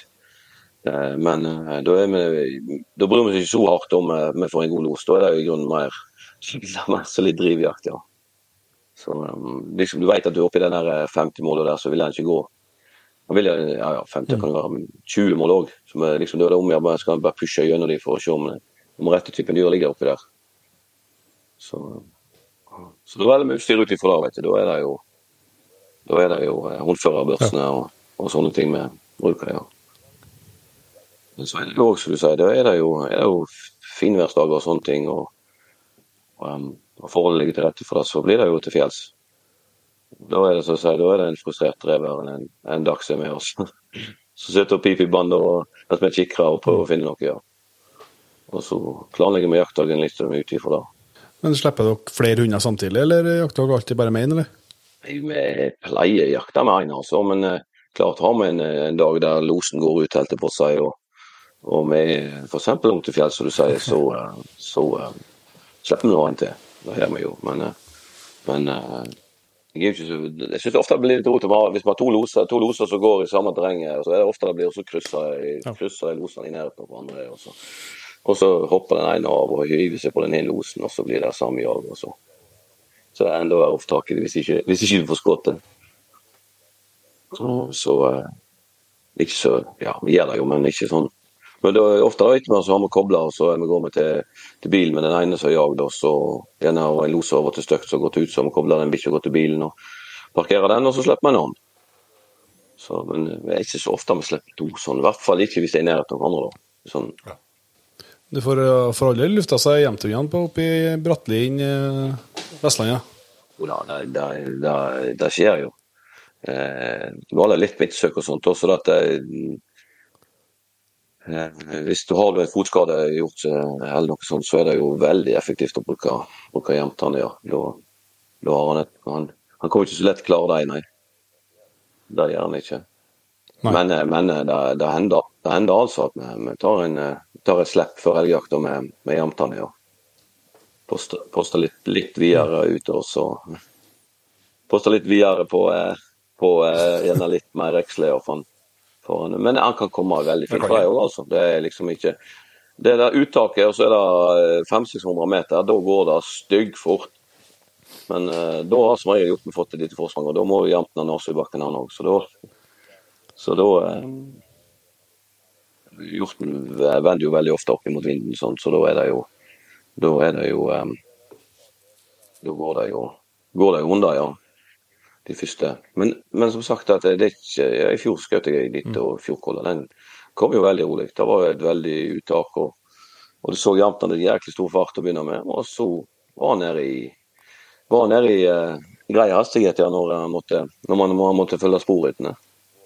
Så, ja. så jeg sto en, ja, sto en, kilometer fra uttaket. og da og um, da kom tilbake ned og fikk et skudd, og da, da, var han jo var han jo faktisk det var en halvt minutt etter han kom. Så kom ikke, kom ikke noe veldig fart, og var ikke noe stressa den fra. Jeg ser ikke meg Jeg var og kikka litt på kartet her, Kristian. Eh, og fant den, den eh, øya di der. Det er ikke sånn eh, Det virker ikke, det virker ikke som det er sånn Det er noenlunde brukbart terreng, virker som, i forhold til det man sammenligner kanskje med mer terrenget som er rundt Sognefjorden og sånn. da. At det, det er ikke så eh, hinsides bratt og ulendt? Nei, altså den aussida på den øya er jo veldig bratt. Den er jo, ja. Eh, det er jo der garden, eh, garden min ligger, skal man si, og der er det jo Der er det bratt, Der, der, er, der er bratt, ja. ja. Men det er jo bare 600 høydemeters høyest her. Så det er jo klart det er jo veldig overkommelig. Det er jo det. Så det, det, er noe, det er mye er sånn gammel vulkansk øy, dette her. Så det er liksom veldig mye sånne små daler okkupert og sånne ting. Så at du kan, eh, du kan tro du har oversikten, og så springer hjorten forbi deg på 50 meter. Så at det er litt lokal kunnskap og kjennskap, det er jo, det er jo greit. Men, ja, ja, ja. Men, eh, men. Som, som, du ser, så er jo 45 kvadratkilometer, så, at, så at hjorten har jo plenty av plass. Han kan få gjemme seg vekk i disse kuperte modellene våre. Ja, det, Men så, som sagt så har vi jo det skjer, ja. Mm. Nei, Vi har jo noe terreng rekke fastlandet òg, så at, eh, vi jakter på akkurat samme måten der. Så jeg vil ikke si at hjorten har annen oppførsel om han er på ei øy her eller han er på, eh, på eh, Mm. fastlandet. Liksom, det er liksom samme måten han, han kler ter seg på. Nei. Nei, nei. Så, um, men det er liksom litt av det. Er det, er det hjort og elg og sånn som er vant med folk, han er, det er turstier, det er folk som beveger seg, det er jo pluss og minus med det. Eh, Men hvis han er, det er liksom han er vant med at det er folk i terrenget der sånn er, så er det mye lettere med å gjøre.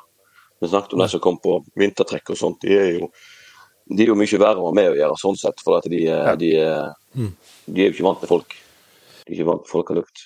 Så da er det jo eh, De, de tar lettere turen ut, de. Sånn. Men er det- har du erfaring at de, når de tar ut, hvis du tenker når de ikke er støkt, da, skal jeg si, eh, bruker de eh, ofte liksom samme rutene som de har på trekket mellom eh, på så, hvis er terreng der man ofte kanskje posterer på trekk og sånn, det liksom, bruker de de samme rutene, eller har de andre ruter når de får hund etter seg?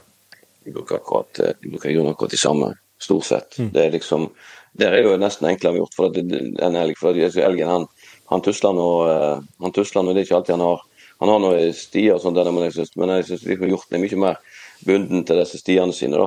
Selv om, om det er, det jo steinbratt og det er ikke så mange andre muligheter, så har ikke noe valg. Men det er ikke, eh, mange plasser ikke det da. og Da bruker han som regel disse kjente stiene sine. og Det er de han, eh, det er de han holder seg til, stort sett. Så har du liksom, du ser jo, du ser jo du ser jo spor i terrenget der som de bruker mye, og det er jo, det er jo som regel på de han har lyst til å komme, ja. Så eh, Så det, det er på et vis gode poster, det som er gode poster på, på vanlige folktre, skal jeg si, Ja. ofte også kunne være gode poster på, på, med hund. veldig ofte. Ja, det er Det er i grunnen sånn det er. Det, er- det vil jeg si. Så er det liksom eh, så er det liksom Det er liksom det er, er, det, det det flate terrenget på Vestlandet, så er det, er det jo verre med, med, med, med vind og, eh, og vanskeligere å poste de ut. og Er det, er det, er det, er brattere, så er det jo faktisk enklere å, å, å sette, sette poster. Eller du er alene òg, som vi snakket om tidligere. at du Går du opp, til, opp i fjellet og slipper, slipper en, en hund litt søk på ned i lia, så får du ofte uttak nede, og så tusler det opp. Så, så har du gjerne tid til å flytte deg, for du ser det på vei over i, eh, i eh, et dalsøk 200-300 meter bort forbi deg. Så det, rekker du kanskje bort og når det er på vei den veien, så rekker du å pile bort der og, og være klar til, til losdyret kommer, ja. Så det er fordeler og minus med at det, det er bratt og ulendt òg. Det sier liksom litt seg mer seg sjøl hvor de, Har du opplevd de sånn, eh, det er sånn store at det, at det blir uttak på litt, på en- på en litt større flokk? At det blir mange dyr liksom i losen? Ja, det kan godt hende det er mange dyr til å begynne med. Eh, Vi har jo med nå kan en ha ja, sju-åtte dyr som har gått på, på en på en bakke og gått til laks i dagleie, men eh, veldig sjelden det er mer enn eh, eh, to-tre dyr som holder i losen lenge. Ja. Og, eh, Da, da, da detter de av liksom etter hvert, hvis, de blir, hvis det er flere.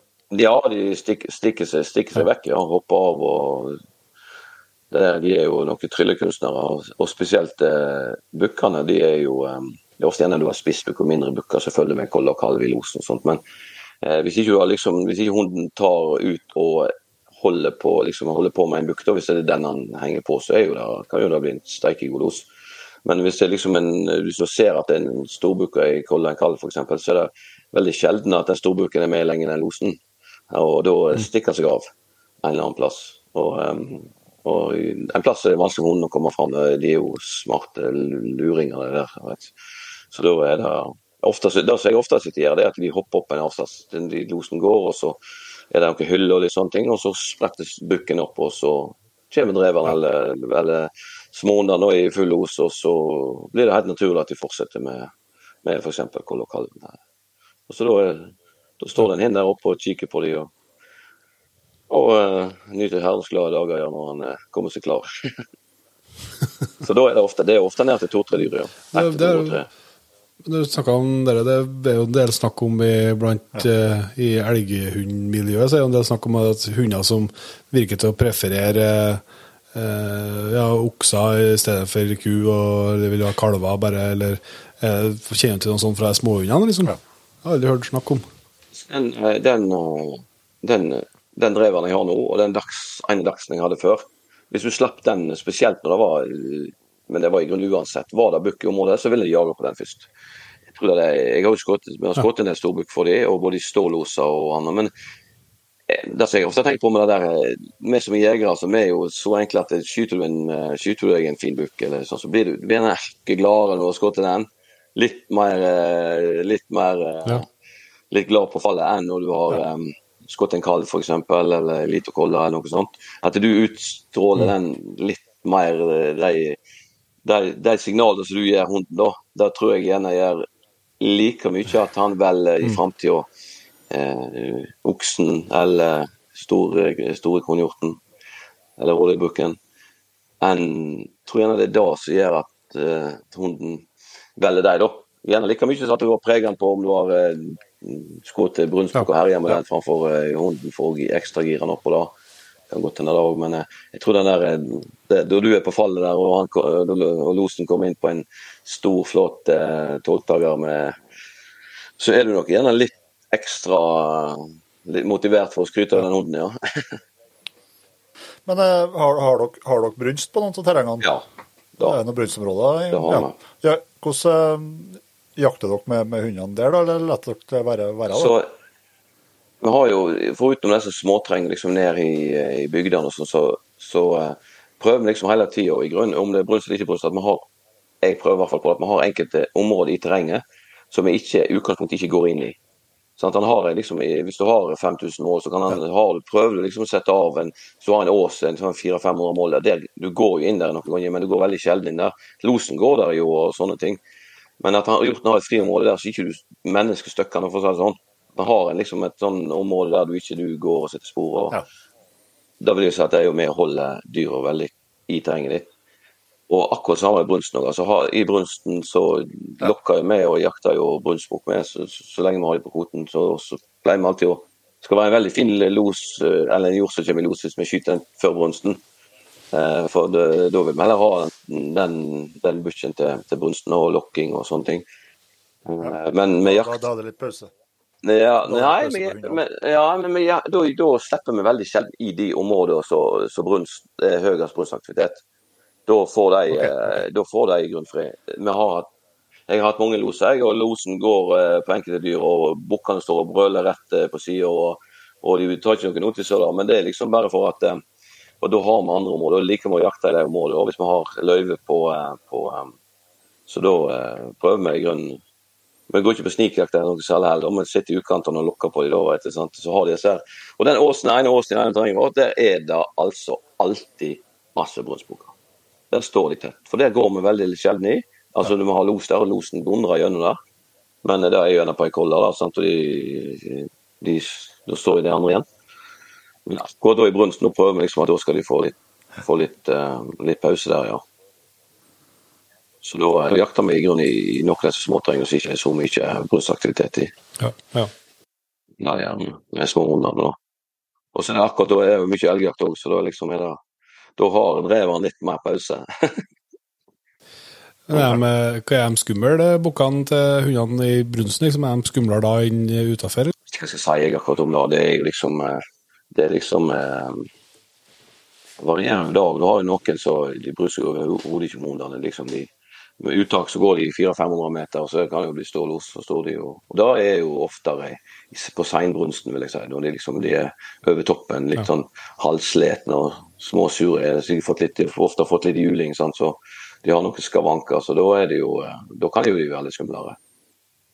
Da ser jeg alltid har erfaring med som er absolutt det skumleste. Det er jo, det er jo i grunnen litt husvarme kodler. Store, gamle kodler og spesielt da hvis jeg, er det skutt kalven ifra de, og, jeg vet ikke om de får eh, om de får noen jurbetennelse, hva som gjør det. Men eh, har mange ganger som når man skutter kalvene ifra de, så går det ei uke, 14 dager, så er det jo hver gang vi slipper, og det er jo på den samme helvetes skål og sur og sint. det er jo. Så da, der slipper du ikke unge for å si det sånn. Det er ikke absolutt ikke alle, da, men det er i hvert fall en hel del av dem. Så Da har vi sett en sånn trend på at uh, skyter vi skyter med kalvene ifra dem, så, så, uh, så, blir det veldig ofte stålloser på de kollene. Etter i uh, innen ja, så jakter dere da i tre-fire dager, fem dager i veka, 14 dager etterpå, så er det ofte så vil den ofte den kodla ikke, hun er ikke interessert i å, til å uh, tusle av gårde. Hun er mer interessert i å stå i ro. og Gjerne pryler den hunden skikkelig godt òg før han Så, så um, Ja. damer da har vi, da har vi sett mange ganger, altså. Ja, for Vi snakka i lag eh, tidligere, så du hadde eh, sett eh, noen hunder som har fått skikkelig juling til større koller. Ja, ja, ja. Det er den gamle, gamle gode dagsen min, så han het Jeger, da, for å kunne skille den mellom noen andre. Den, den hadde seg en tre ukers opphold med klokken ribbein på begge sider. Så han, han hadde en sak på sekken tunga da de små. Så den, den eh, bodde han da i gode 14 dager før han begynte å kunne hinke seg rundt igjen. Og da har han måttet skamsparke over Kodla. Nei, nei, altså de, de, en hjort som vil ta hunden, da er en skortbeint hund ganske sjanseløs. sant, å komme. Altså En som virkelig vil ta dem, du snakker ikke om bare et lite utras, og sånt, men en, da de, når de, liksom, de springer etter dem rundt i busker og kratt for å virkelig ta dem, det har jeg sett flere ganger. Og eh, Det har som regel alltid vært det har som regel alltid vært gamle, eller store koller, da. Og, eh, og faktisk som vi vet at vi har skutt kalvene ifra som regel, og de blir, eh, kan bli skikkelig gretne med. Ja. Og om det, gjør, om det er noe så at de har noe jurbetennelse, eller de har et, hva som i plager de, det skal ikke jeg si. Men, men eh, skumle for hundene kan de iallfall være, ja. Men er det, er det alle Det må jo være ganske mentalt krevende for en, for en kortfota hund å stå i los. Er, er det noen som gir seg når det blir stopp der? Det da er ofte til å begynne med, da ungene, da, da hundene er unge, så var vi, er vi ute for at de blir jaklet litt, så kommer de rett inn igjen. Så jeg synes så, med den dreven en gang, og så satt jeg og så på han i, i kikkert, han hadde los på da, en halv storbukse stoppet da.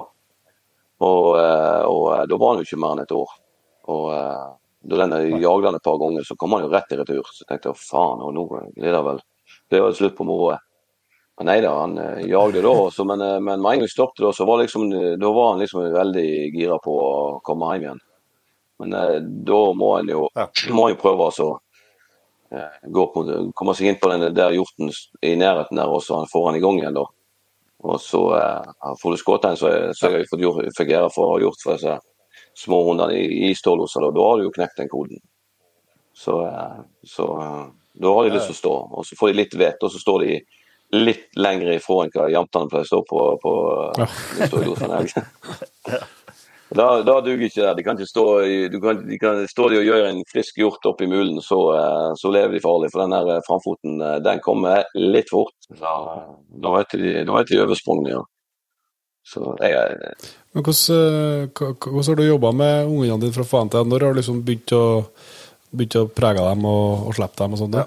Jeg preger de jo ifra dagen jeg får de, så preger jeg jo de på, eh, på lukt av hjort. Eh, For han har, det er jo ganske sterk i lukt av hjorten, så dette, den er jo den er jo klart at den, jo, den kan jo en ung sikkert være, litt skeptisk på. da. Det er ofte, han ofte sitt. Men eh, preging, at de er med for å være med og eh, dra ut hjort og få være med i slaktebua og, og, eh, også ha på sin egen fot og litt sånne ting. Eh, jeg slipper det ikke så tidlig. Det er, men dreveren jeg nå slapp jeg faktisk om sju måneder. Jeg slapp han to ganger. Og eh, så parkerte jeg han til neste år. For at, eh, jeg tenkte nå var det flaks at han tok ut, eh, tok ut ungdyr. At det ikke var noe så, så ville stå og ta han, holdt jeg på å. Stå og, og skremme han.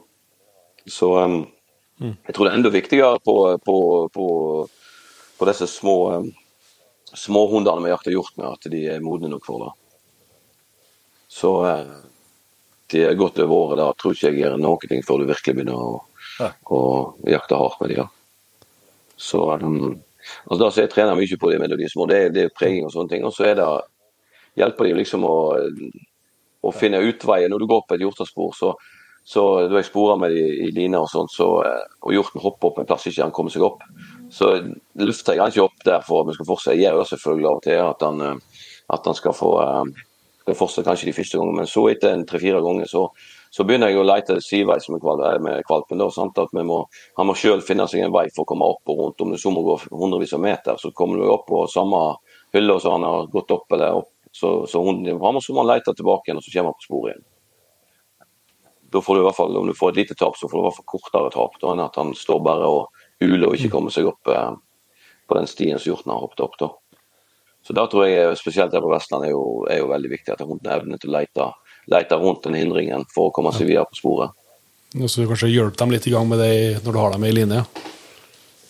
Ja, da er, det fokuserer jeg nesten, nesten like mye på det som jeg eh, fokuserer på, um, på um, selve sporingen. At, liksom, at den vesle hunden har evne til å greie å så- og så komme seg fram etter sporet.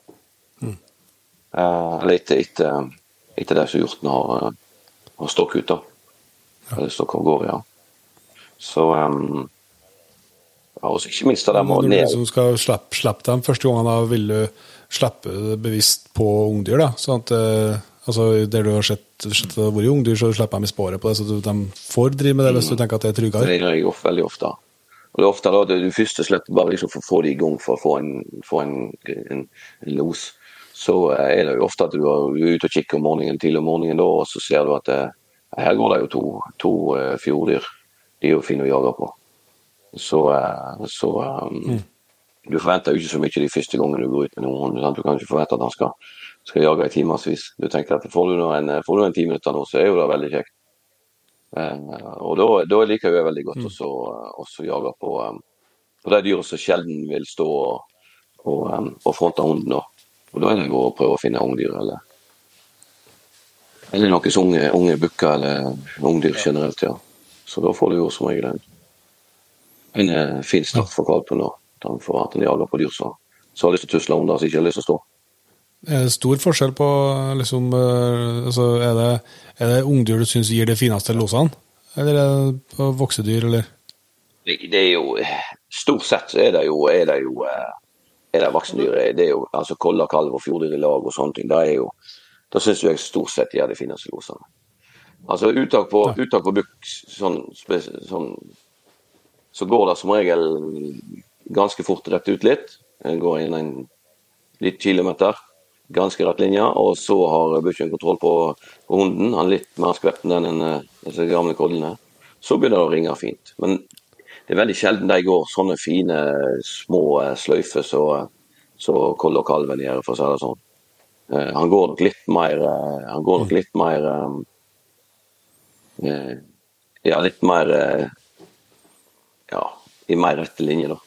Så vi ser i grunnen med en gang på, på, på peilen nå hva dyr man har los på. Altså det er, vi er ikke så veldig i tvil om man har los på en bukk. at Når vi ser at linjene er veldig rette og det er veldig lite runding det, går liksom, det kan godt gå på, gå på eh, ganske trange områder òg, men det er liksom ikke det er ikke disse fine sirklene. Det er mer sånn rett linje ut til 200 meter der, og så går det mer, mer rett linje i grunnen hele veien. Han og vil, han, vil ofte òg, så, så lenge han ikke har lyst til å stå, så ligger han nok, ligger nok eh, ofte bukken litt lenger framfor eh, hunden òg, selv om, selv om han ikke er værstøkt, holdt jeg på å si. For da, men en, en som blir værstøkt, vet du, den går hardt ut. Da er det jo eh, da er det jo da er det kjekt hvis du har en hund som legger av. Det har ikke jeg. Så da er det Nei, hvordan Har du ikke, har du ikke innkalling på Jan? ja, jeg er dårlig på det. Jo, jeg hadde hatt til å begynne med, men, eh, jeg hadde til å begynne med, men eh, så går jo de fleste av oss i den samme fella. det er at vi, vi kaller de inn, og så to-tre ganger så slipper vi de igjen. sant? Så blir det god los. Men så er det den ene og andre gangen da du ikke har tid til å slippe dem igjen. Så hooker du dem og tar dem med i bilen og reiser hjem. Da har har i hvert fall jeg erfaring med at det er veldig det, Du ødelegger veldig fort den tilliten der, ja. At de ikke skal få komme løs igjen. Så uh, Ja, det, er, det er i hvert fall lettere å ødelegge enn å, det er i hvert fall lettere å ødelegge den tilliten enn å bygge den opp igjen. Ja, ja, ja. Det er helt sant. Men uh, Else, Else Jampen min her var helt fantastisk. Du bare smart lage litt elgjør, så kommer han rett til meg. Og eh, det var jo så effektivt vet du, at det var feil egg. Vi hadde jo, Da gikk vi og slapp og fikk ny los som regel. og- Men det var jo ikke så mange ganger jeg gjorde det der. vet du. Vet, Jeg hadde én og to ganger der jeg avslutta dagen med å, med å koble han der. Da var det slutt på tillit. Da kom han på tre-fire meter, og så var det, så var det U-svinger og bremsene på og rett tilbake igjen. Det hjalp ikke med alle goodiesa og griseører vet du faen hva jeg ikke hadde med til han. Men det var ikke snakk om. Eh, Han dreveren han har jo aldervosten. Får han inn på 25-30 meter, så kunne jeg, hvis jeg virkelig ropte knallhardt til han, så kunne det hende at eh, han sakka litt på tempoet, så jeg greide å springe han inn. Eh, Men det er det er da er jo litt fordelen med så små. da. Jeg har folk innenfor, innenfor 50-60 meter, så, så, er det greit å være litt god på 60-meteren. For da 60-meteren og litt keeperferdigheter, så greier vi å fange dem.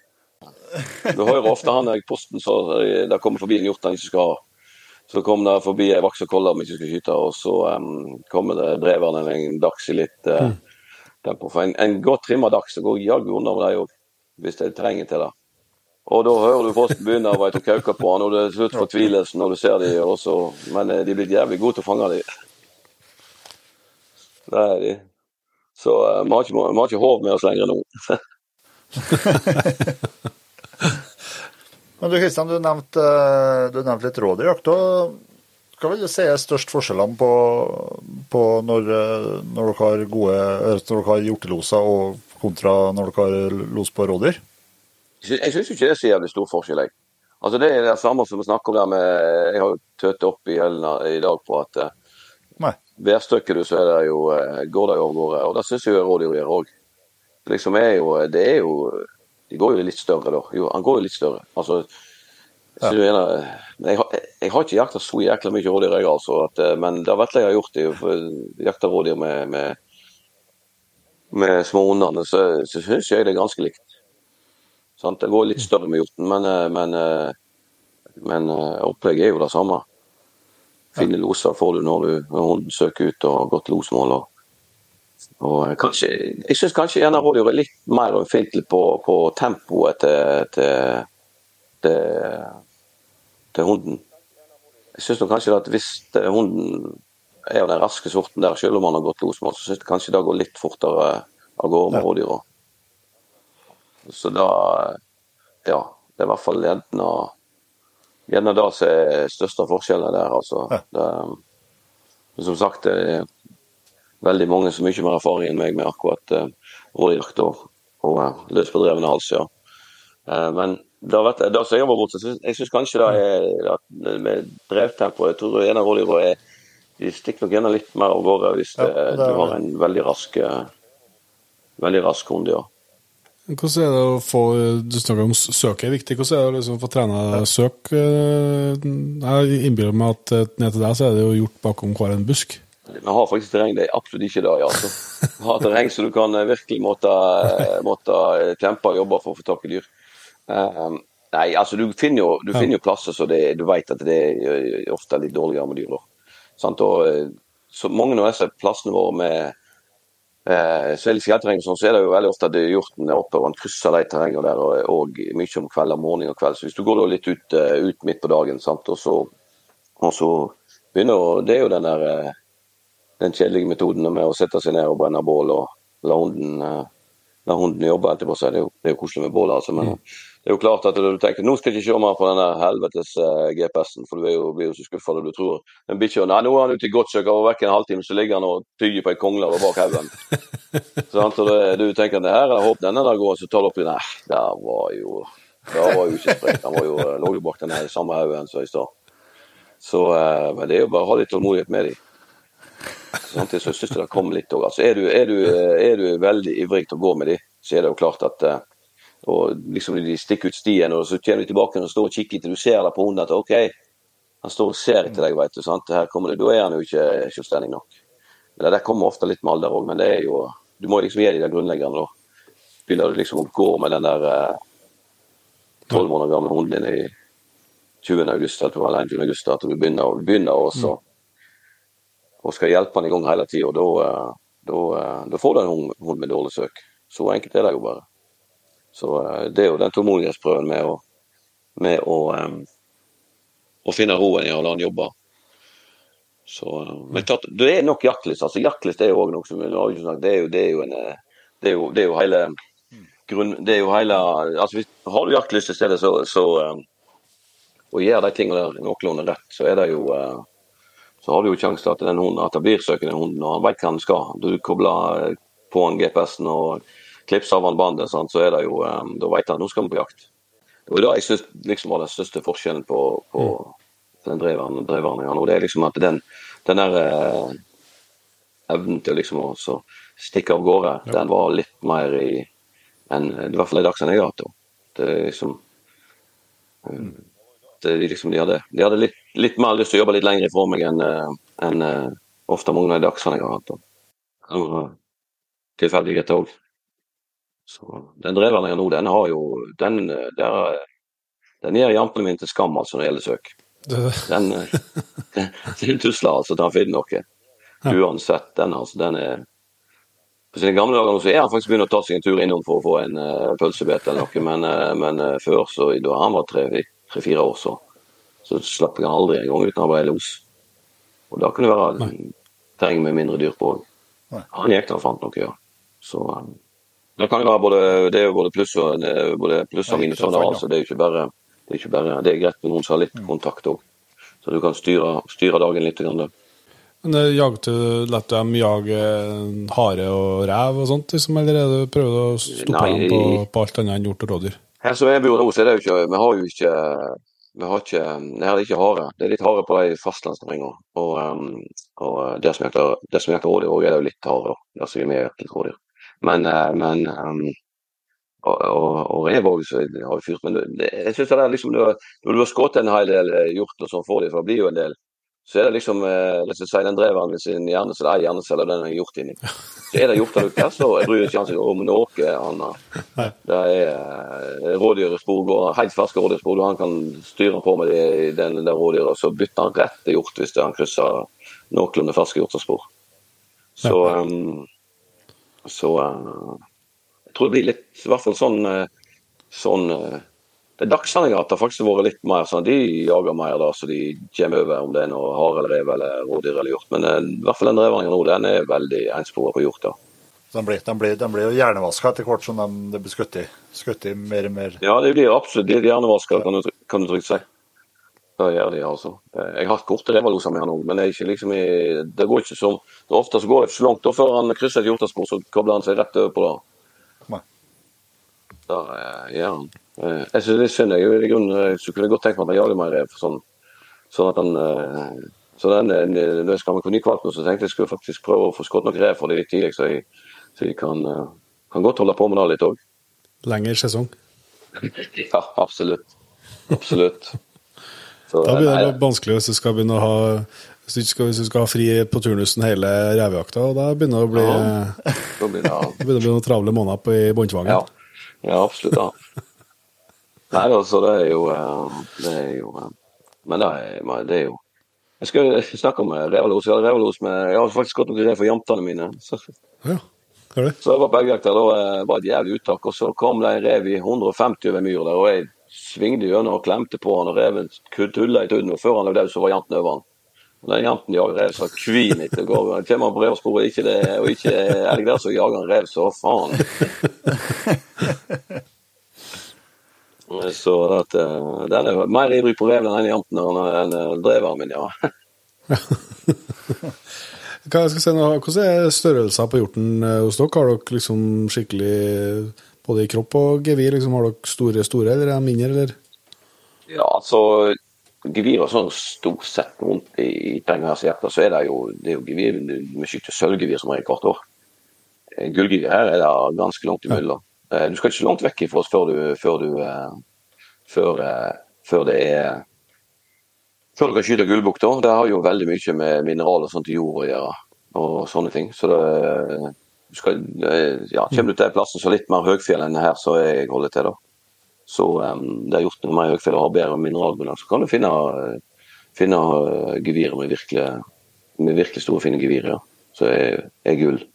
Uh, men akkurat i mine terreng skyter jo flotte store sølvbukker helt opp mot grensa til gull og, og sånne ting. Men uh, det er langt imellom de som, de som bikker gullkravet.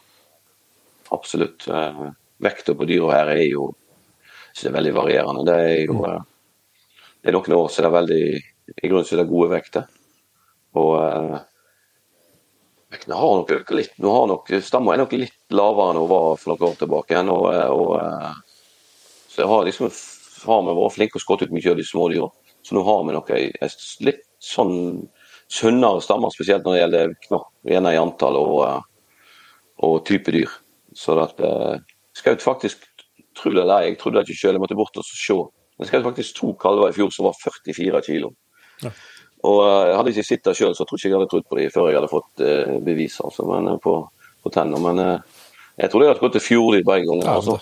De kom i de kom med los og jeg tenker, Her var fjord, det var helt perfekt pang, og så var det faen en bukke. Jeg gikk bort og skulle slakte oss der? Helvete, det jo ikke, er jo ikke, det er jo ikke fjordkolle, dette er jo en Dette er jo en Det var jo pung. Så at Og så måtte jeg sprette kjeven med en gang for å se det, og så jaggu faen var det en kalv. Ja. Og 44 kilo. Så gikk det fire-fem dager til, så var jeg i samme terreng igjen. Og eh, da ante jeg meg, da, da kom det ei diger kolle til med en kalv. og så eller med kalv. Jeg tenkte jo faktisk da at det var fjordyrskaup, men nå var jeg litt mistenksom når jeg gikk bort. Og da var fanken en kalv. Og de var på kiloet! 44 kilo begge to. På godkjent vekt. Så det var helt kalver på det. eh, Ja. Så eh, vi kan Men så skyter vi oss kalver på 12 kilo òg, da i, i november måned begge deler. Så det var begge deler, ja. Så at, eh, det er veldig varierende, ja. Vi har ikke snakka om det, Kristian, men eh, hjortejakta er jo lang helt til 1.9. Og, og fram til, til jul.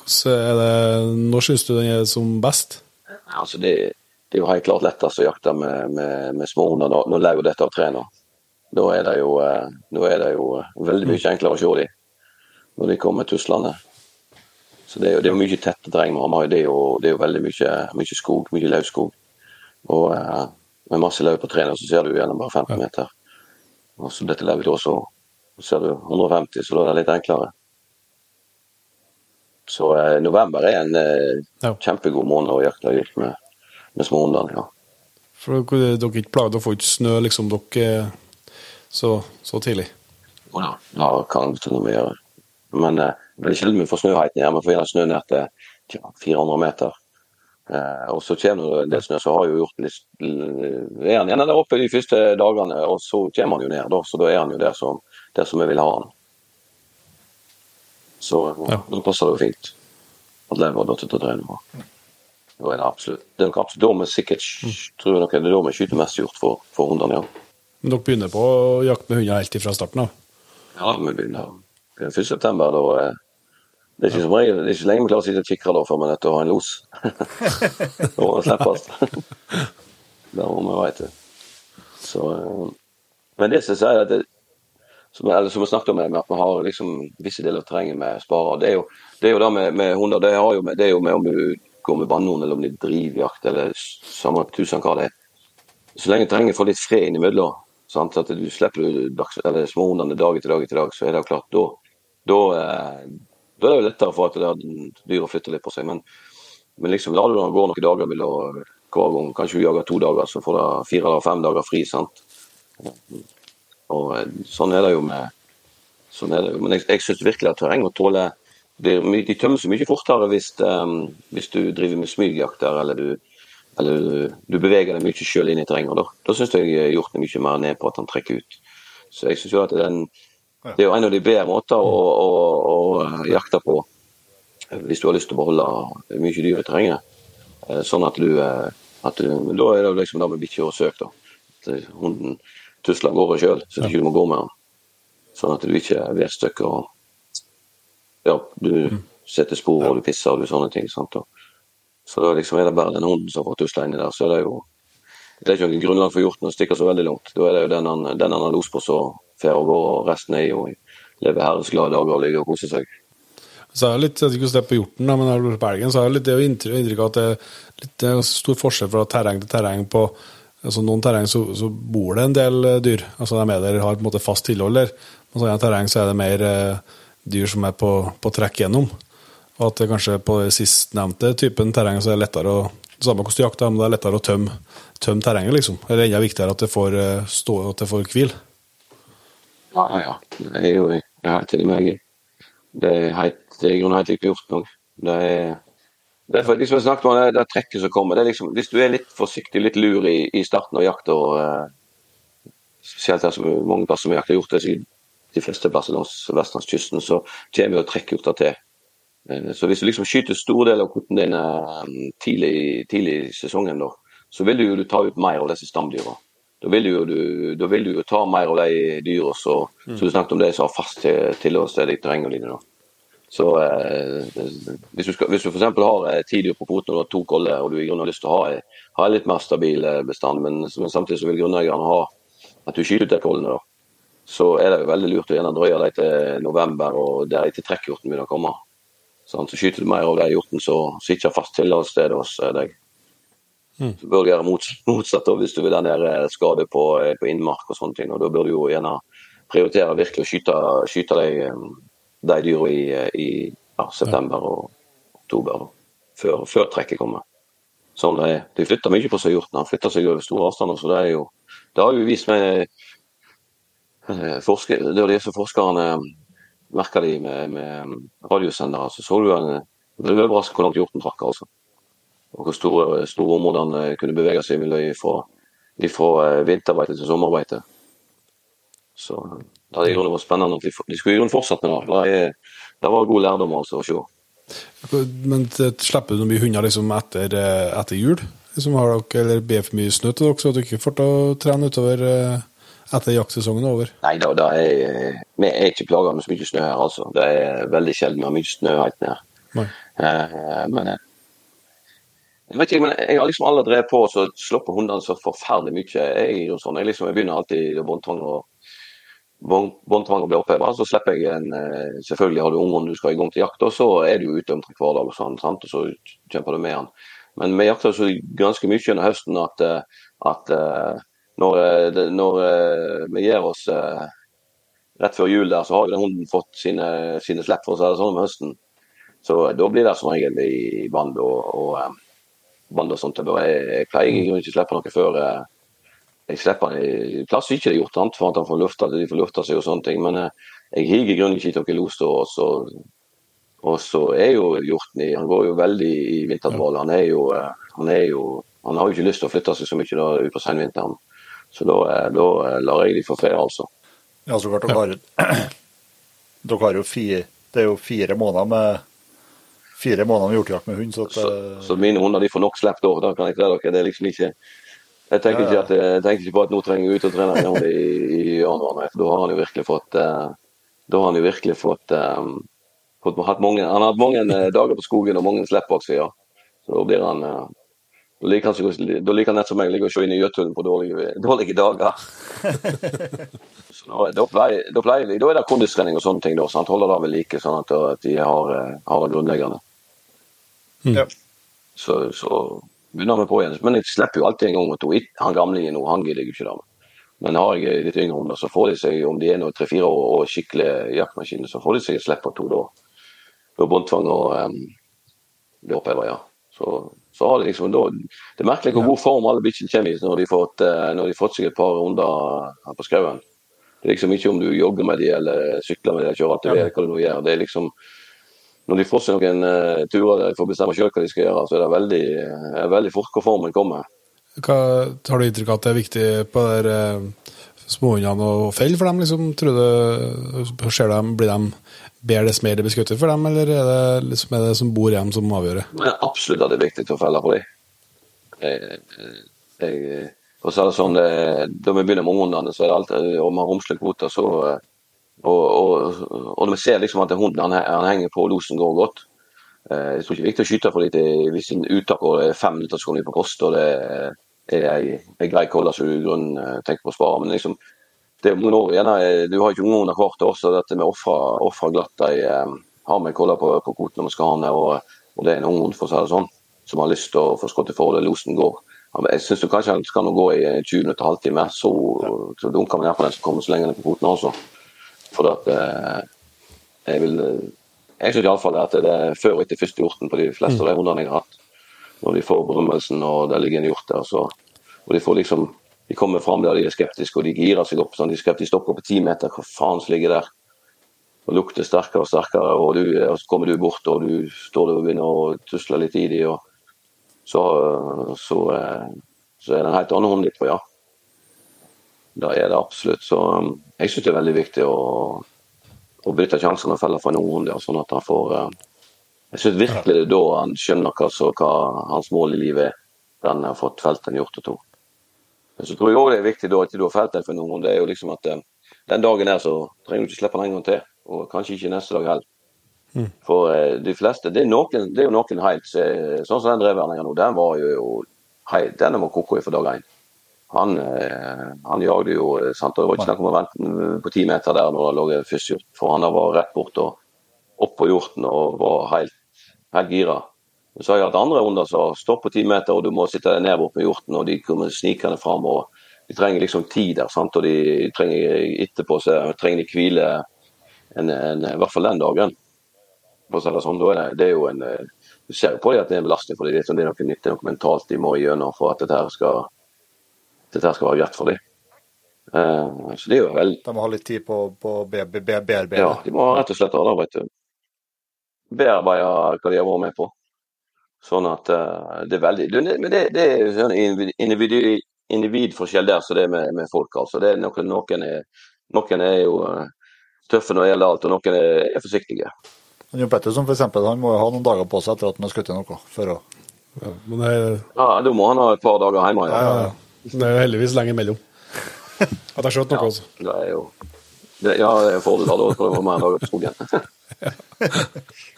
ja, ja, ja. Nei, Det har vært kjempeinteressant, Kristian. Det, det, er sånn, det er en jaktform som jeg håper å stifte mer og mer bekjentskap med etter hvert som tida går. Det er hjortejakta med småhundene. Det lista jeg har prøvd, da, syns jeg er jæklig artig.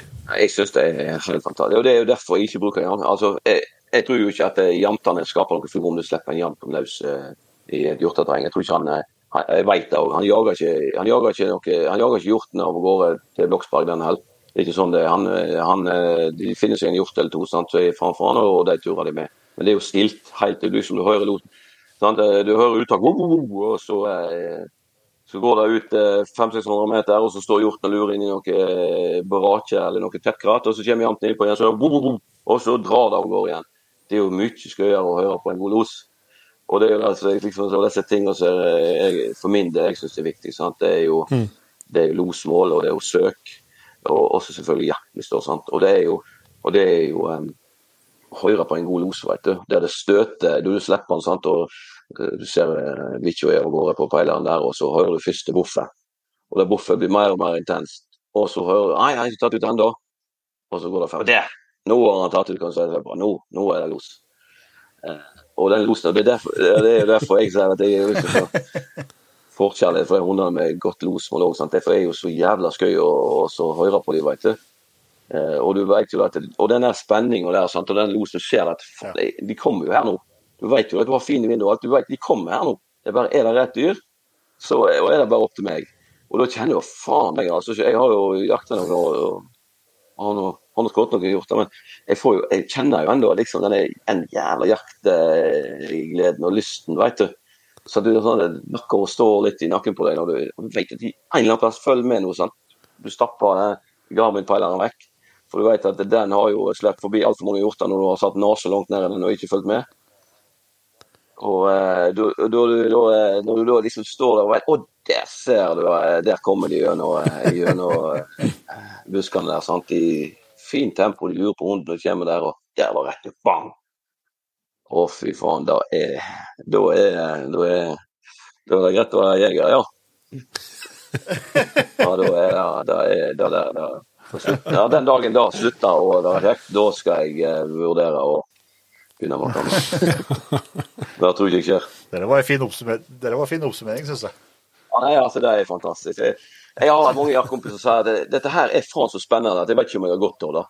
Det er mange som har sagt altså, det er Det er bare greit, altså. For det, det er egentlig, Og Så sier du i tillegg på radio til ja, nå kommer de imot deg.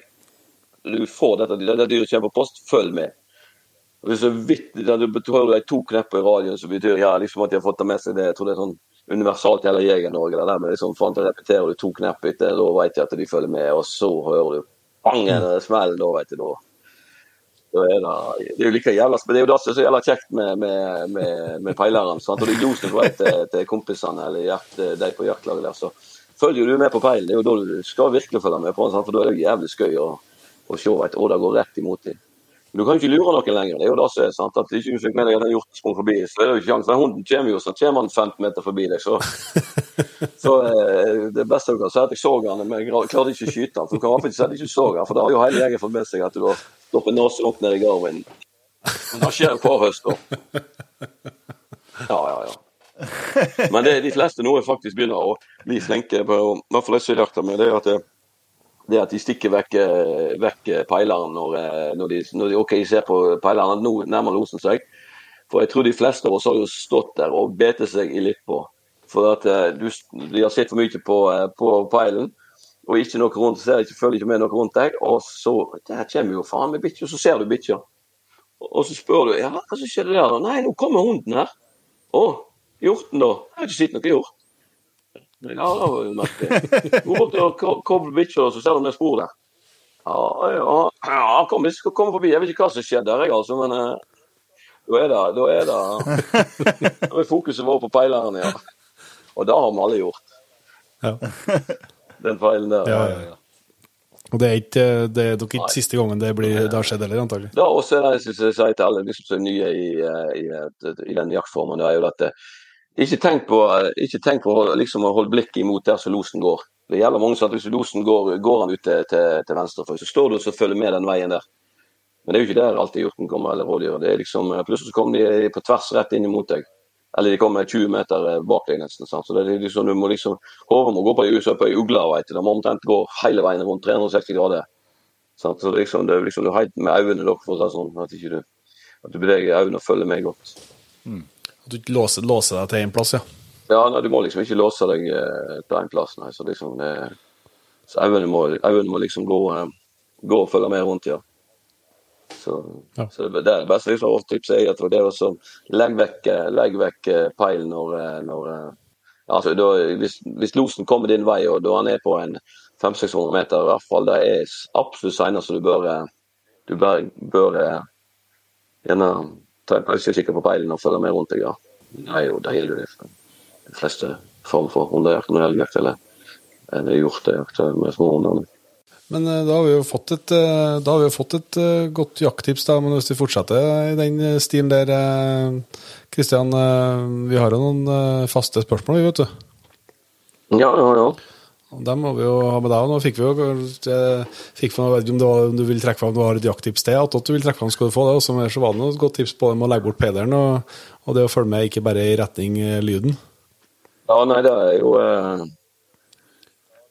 godt jakttips, det. Altså, det er jo eh, Ta heller en, en, eh, dårlig post med, med, god vind enn en knallgod post med, med dårlig vind, altså. For da ikke, ikke bare Ikke bare ikke bare har ikke du sjanse, altså Den kommer ikke på den posten, men den kan komme på den dårlige posten med god vind. Da har du gjerne losen inn i området ditt i hele dagen, kontra at du skal absolutt gå på den eh, gode posten med litt uh, halvdårlig vind. Du vet at det snur uh, vinden er meldt å snu litt eh, i en time etter, etter du slipper. Så vel heller en, en post i utkanten. Det kan gå litt lengre tid før losen kommer innom. Men en liksom på død og liv skal ha det der gode postene midt inn i drevet, der du vet at hvis losen kommer rundt deg, så vil han få dårlig vind. Eller, eller motsatt. da.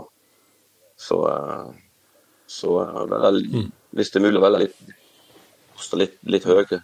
Har du gode terreng der du ja, ofte jager Jaktåren er jo helt suverent. Sant? Kommer seg opp en fire-fem meter. Mye, mye, greiere for, um, for, uh, for vinden. Ja, sant? Du verdsetter mye, mye mindre terreng med å komme deg opp litt. Grann. Så da er jo uh, De er ikke dumme, disse østeuropeerne som bygger mye jakttårn, altså. Det er ikke, det er ikke tilfeldig. Så litt opp i høyde, og heller vel en post, uh, heller vel en halvgod post med med stabil, god vind, ja. Hvis uh, du skal trekke fram noe jaktutstyr da, som, du, som, du, er veldig godt fornøyd med? Så jeg jakter jo veldig mye til fjells og sånne ting, så det blir ofte jækla mye tunge kjøttbører. Uh, og, og, det er jo klart at um, ja. Og det er jo med småunger når vi jakter opp i små fjelldaler og sånt, og høyt oppi og poster høyt opp, så, så, så det blir ofte bæring. Og uh, tenkte på det der jeg leser, leser spørsmål. Ja. Men um, det er én ting som jeg har brukt de siste årene som jeg syns er helt fantastisk. Det er teleskopiske turstaver. Når du skal bære, bære gode kjøttbører med deg. Selv om du er stor og sterk og strenggodt å bære, så uh, turstaver på siden i sekken til tunge bør, det er, det er bare helt fantastisk. ja.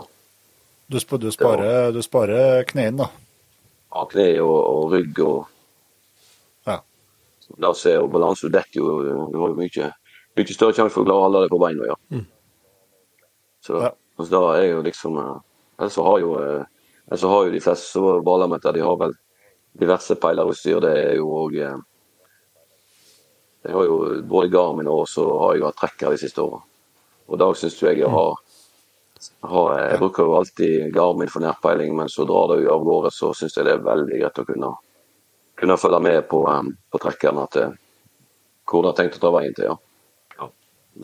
Bruker du bruker det på dreverne nå? Trekker på ryggen i Celia og så, eh, og så Garmin rundt halsen. ja. Ja. Så der har du to, to, ti- Ja. to tips.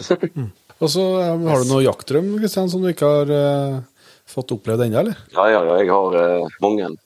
Så det er vanskelig å bare si én, men eh, Ja. Nei da. Nei, du kan få ta flere. Nei, altså, jeg har eh, vanvittig lyst til å reise til var sikkert så veldig mange andre nordmenn, men så har jeg veldig lyst til å reise til Alaska og, eh, og jakte grizzly. Grizzlybjørn i Kanskje litt oppe i fjellet. Det hadde vært en fantastisk opplevelse. Så det det kommet nok ganske høyt. Så, så har jeg òg veldig lyst til å reise til Canada og jakte både svartbjørn og puma med hund, altså. Det bevares. Det òg er jo høyt på, høyt på lista, det òg.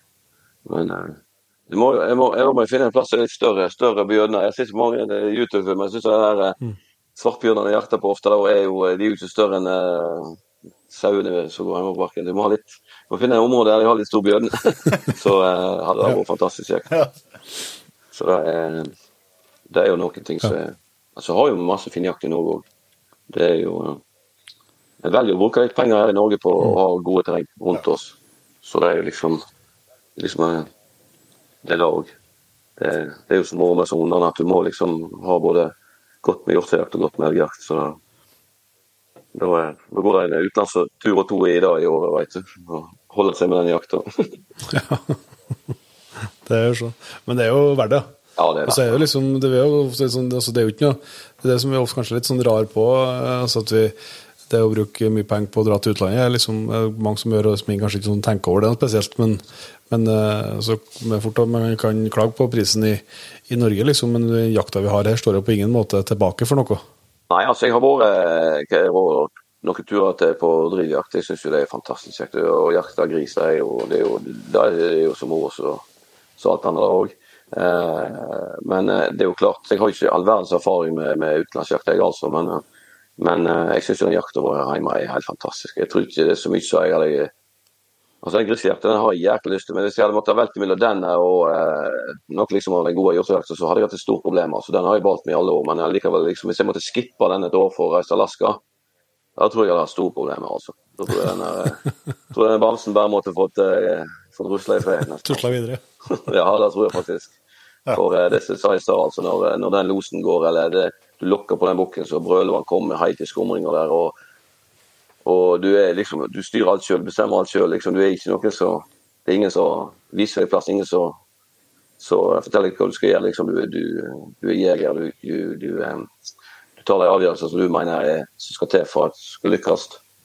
Eh, Da, da er du, du, er, du er litt fornøyd med, med livet. Det- Både, kanskje du blir lurt, og kanskje det en, eh, kanskje det var en dyr i den losen som du absolutt skulle ha, men hunden har gjort det supergodt. og Du eh, kunne skutt den hjorten, men du lot den gå. Da er du ofte enda gladere, for du ser at det, det er tilvekst. Det, det, det blir dyrt neste år òg. Det var en stor finkolle som du lot gå i på den store elgkusen, så du vet jo at det, da, da har du noe å jakte på til neste år òg.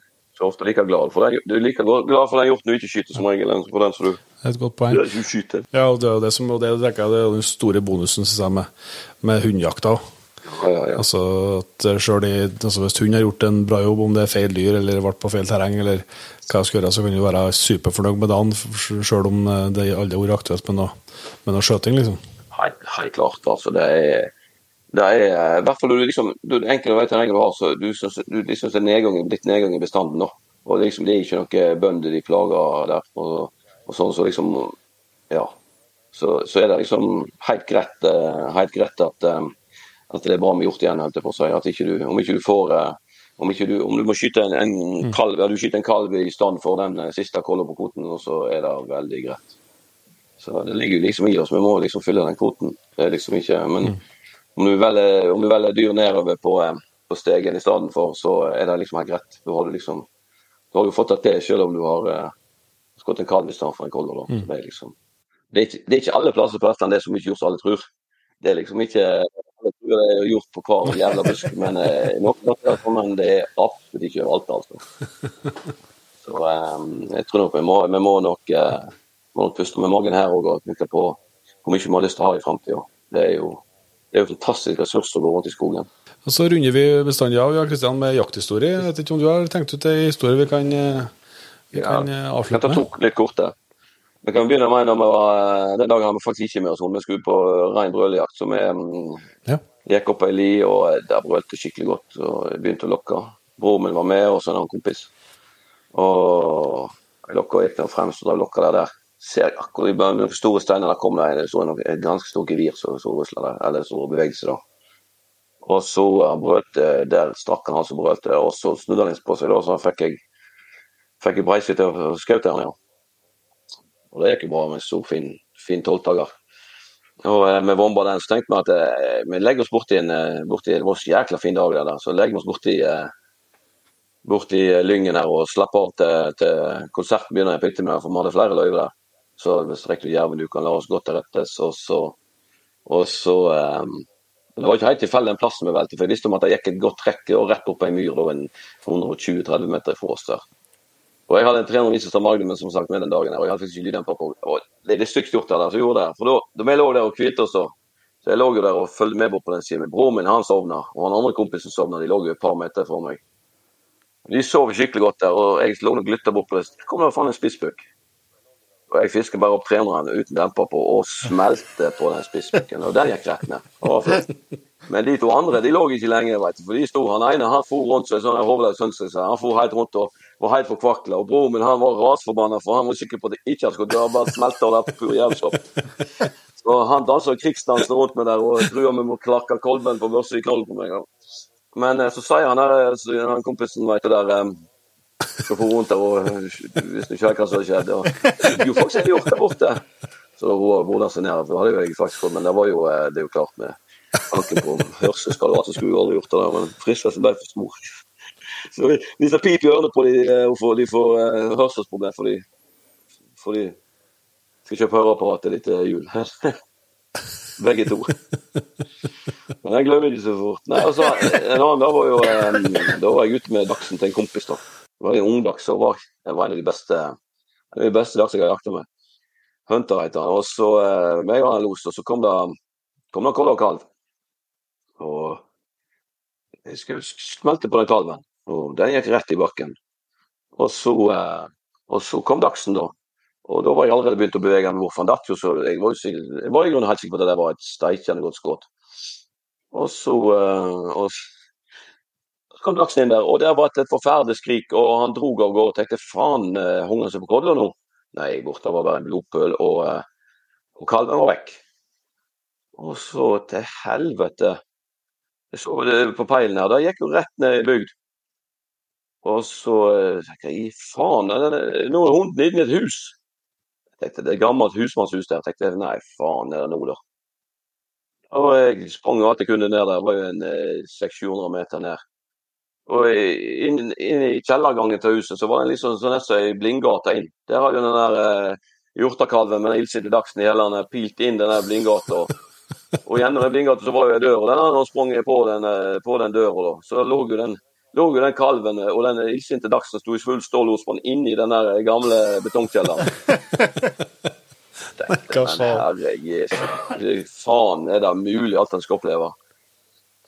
Så eh, jeg kunne ikke skyte denne kalven inni der, vet du. Så jeg måtte jo, jeg måtte jo eh, Men var jo, eh, det var jo ikke lenge før han hadde tatt kveld, da, så, um, så, um, så da ble det eh, måtte jeg bare dra han ut og få avlivet han, vet du. Det var jo et helsings komikk med den dachsen inni der. Det var jo 1000 desibel inni den jævla betongkjelleren, vet du, med den dachsen i full los. Så da fikk jo jeg igjen på, på, på hørsel. Trenger ikke høre, høre på at jeg òg til slutt. Men du kan tro jeg lurte da. denne Sonny var faktisk med, han òg. Han var ikke gamle karen, men da var han med, han òg. Så vi lurte like jævlig på det, begge to. Eh, losen, i, losen inn i kjelleren der, ja. Det første, første stålåsen innendørs. Ja, det var første stålosen innendørs, med hund iallfall. Men eh, det som var heller greit, men da- var greia å komme seg ut igjen der for å se at du ville jo faen, du lurte jo på alle, alle naboer. Men det var faktisk ingen som fikk det med seg det der, så. Så uh, jeg har jo fortalt dere litt på det, så det var jo var like godt. Det var jo merkelig at det ikke kom noe sånn eh, trening, eh, noen uh, trimgruppe forbi eller et eller annet sånt, eh, akkurat når du var inne i kjelleren der. Ja, det hadde jo vært det hadde jo vært så helt typisk at du måtte stått og forklart deg der i, i lengre tid. Ja. Nei, men eh, Da skal vi si tusen takk, Kristian, for at du tok deg tid til en prat med oss. setter vi eh, veldig stor pris på. Det har vært kjempeartig. ja, bare hyggelig. Veldig bra. Og lykke til videre med Jegerpodden. Takk for det. Det var Kristian Solsvik Hauknes. Det er, jo, det er jo ikke tvil om at det er helt rett dialekt for å snakke hjortejakt. Nei, du må ha den typen skal det, skal det fenge. Jeg skal virkelig smelle. Og det tror jeg nå alle som har vært med helt hit, eh, har nå full forståelse for at eh, Kristian er en meget ivrig jeger og dyktig eh, hundekar, ikke minst. Mm. Og som jeg var litt inne på helt i starten av episoden, så er det veldig artig synes jeg, når eh, tipsene og triksene som, som deles, er så konkret som de har med han. Ja. Altså, man, for eksempel dere som Ja, det er kanskje i, eh, ikke så, så dette med å heller ta en eh, dårlig post med god vind i en god post med dårlig vind. Det er ikke dumt. Og så er han jo helt på linje med meg om at de gjerne vil oppover. Ja. Så det er jo Det er jo ikke rart, jeg likte Christian. Nei, og, og det, det er flere, flere gode tips her, f.eks. det som han snakka om med, med hundene som når de er unge, at han bruker, bruker mye tid med dem i langlin for å lære dem å og sørge for at de skjønner dette med å finne vei opp brattene. Ja. Det er et aktuelt tema når du har korte foter i bratte hjortli. Yes. Så nei, veldig mye bra fra Kristian, så håper jeg at uh, du som har vært med helt hit, og setter eh, like stor pris på som oss to. han. Og så er det jo sånn at eh, det er jo en stund siden på luften. Det er det. Krokløyven. og, og vi har jo fått en hel haug, vil jeg si, med nye Patriens. Ja. Og det er jo helt eh, vakkert. Vi ser jo ikke ut som vi liksom klarer å krangle oss jækla mye nærmere målet på 3500 og tur til Canada. Men eh, vi klarer i hvert fall å holde oss stabile. Og det er vi nå veldig, veldig glad for, det òg. Så vi sier tusen hjertelig takk til Jon Haugbo. Og til dagens gjest, Kristian Solsvik Haukenes. Yes. Han er kommet tilbake, vet jeg. Jeg okay. meg måtte måtte bytte ut noe kort, sånn. Eh, Jone, Jonas eh, Tronsøvne. Pål Tverdal. Sander Berg. Bård Dahl. Torleiv Rime. Ole Henrik Frijordet. Herminator 05. Oi. Markus Rode. Jon Erik Sagli. Marius Bruløkja. Mats Viken. Rune Vatningen. Kristoffer Hagen. Daniel Stavrum. Nils eh, Siri. Marit Hauglisæter. Arve Laupsa Borge. Eivind Oshaug. Fredrik Lote. Sigurd Nesheim Bæk. Ole Jørgen Stoa. Andreas Randen. Erlend Grønbæk. Gustav Hevle. Bjørn Trydal. Sven Uleberg. Mathias Falk. Morten Slettvold. Bjørn Christian Brøske. Andreas Molke Hansen Tveten. Emil. Kasper August Lunde. Andreas Færhagen. Terje Bryn. Harald Hårnes. Jan Gunnar Jensås. Jakob Dahl. Pål Kristian Storinseth. Monica Rånes. Lars Martin. Børge Storvold. Ingebrigt. Jon Are Tellefsen. Øystein Talsnes. Eh, Jørgen Norheim Sjåstad. Odd Sigurd Bruholt. Håkon Dahr. Roger Skamfær. Ørjan Storhaug. Nils Kjølse. Jonas Quisler. Tobias Klausen Nydal. Lars Tingstad. Øyvind Konstad. Magnar Espeland. Endre Kosberg. Eh, Isak Skamfær. Glenn Linnerud. Lian Vassdal. Og Marius Sveipe. Det er deilig. Det er deilig. Tusen hjertelig takk til alle, alle dere, og selvsagt til hele P3-laget som allerede har vært med oss i, i gode, onde dager, nær sagt, som gjør det mulig for oss å drive Jegerpodden. Det er dere som, eh, dere som har æren for det, så tusen hjertelig takk. Så skal vi bare slenge inn helt på slutten her. Eh, At noen har kanskje fått med seg at vi eh, måtte stenge nettbutikken mens Aspøyen Gamefair pågår. Ja. Eh, Varene er straks tilbake på lageret og tært opp. Det vil si at nettbutikken åpner igjen. Og da finner du bl.a. et produkt som har vært veldig etterspurt. Nye sekkene fra Voren. Så sjekk ut både dem og andre ting i nettbutikken vår hvis du mangler noe i oppstarten av jakthøsten. Yes. Da ser vi som bruker å gjøre Inge. Til neste gang. Vi høres.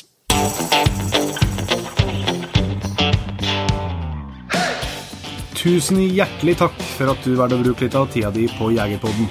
Sjekk ut jegerpodden.no eller din favoritt-podkastspiller for enda mer innhold og flere episoder.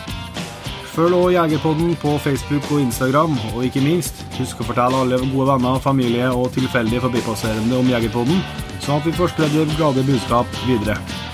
Vi høres. Nå starter jeg opp eh, noe biler her. Det er ikke Hilux. Nei.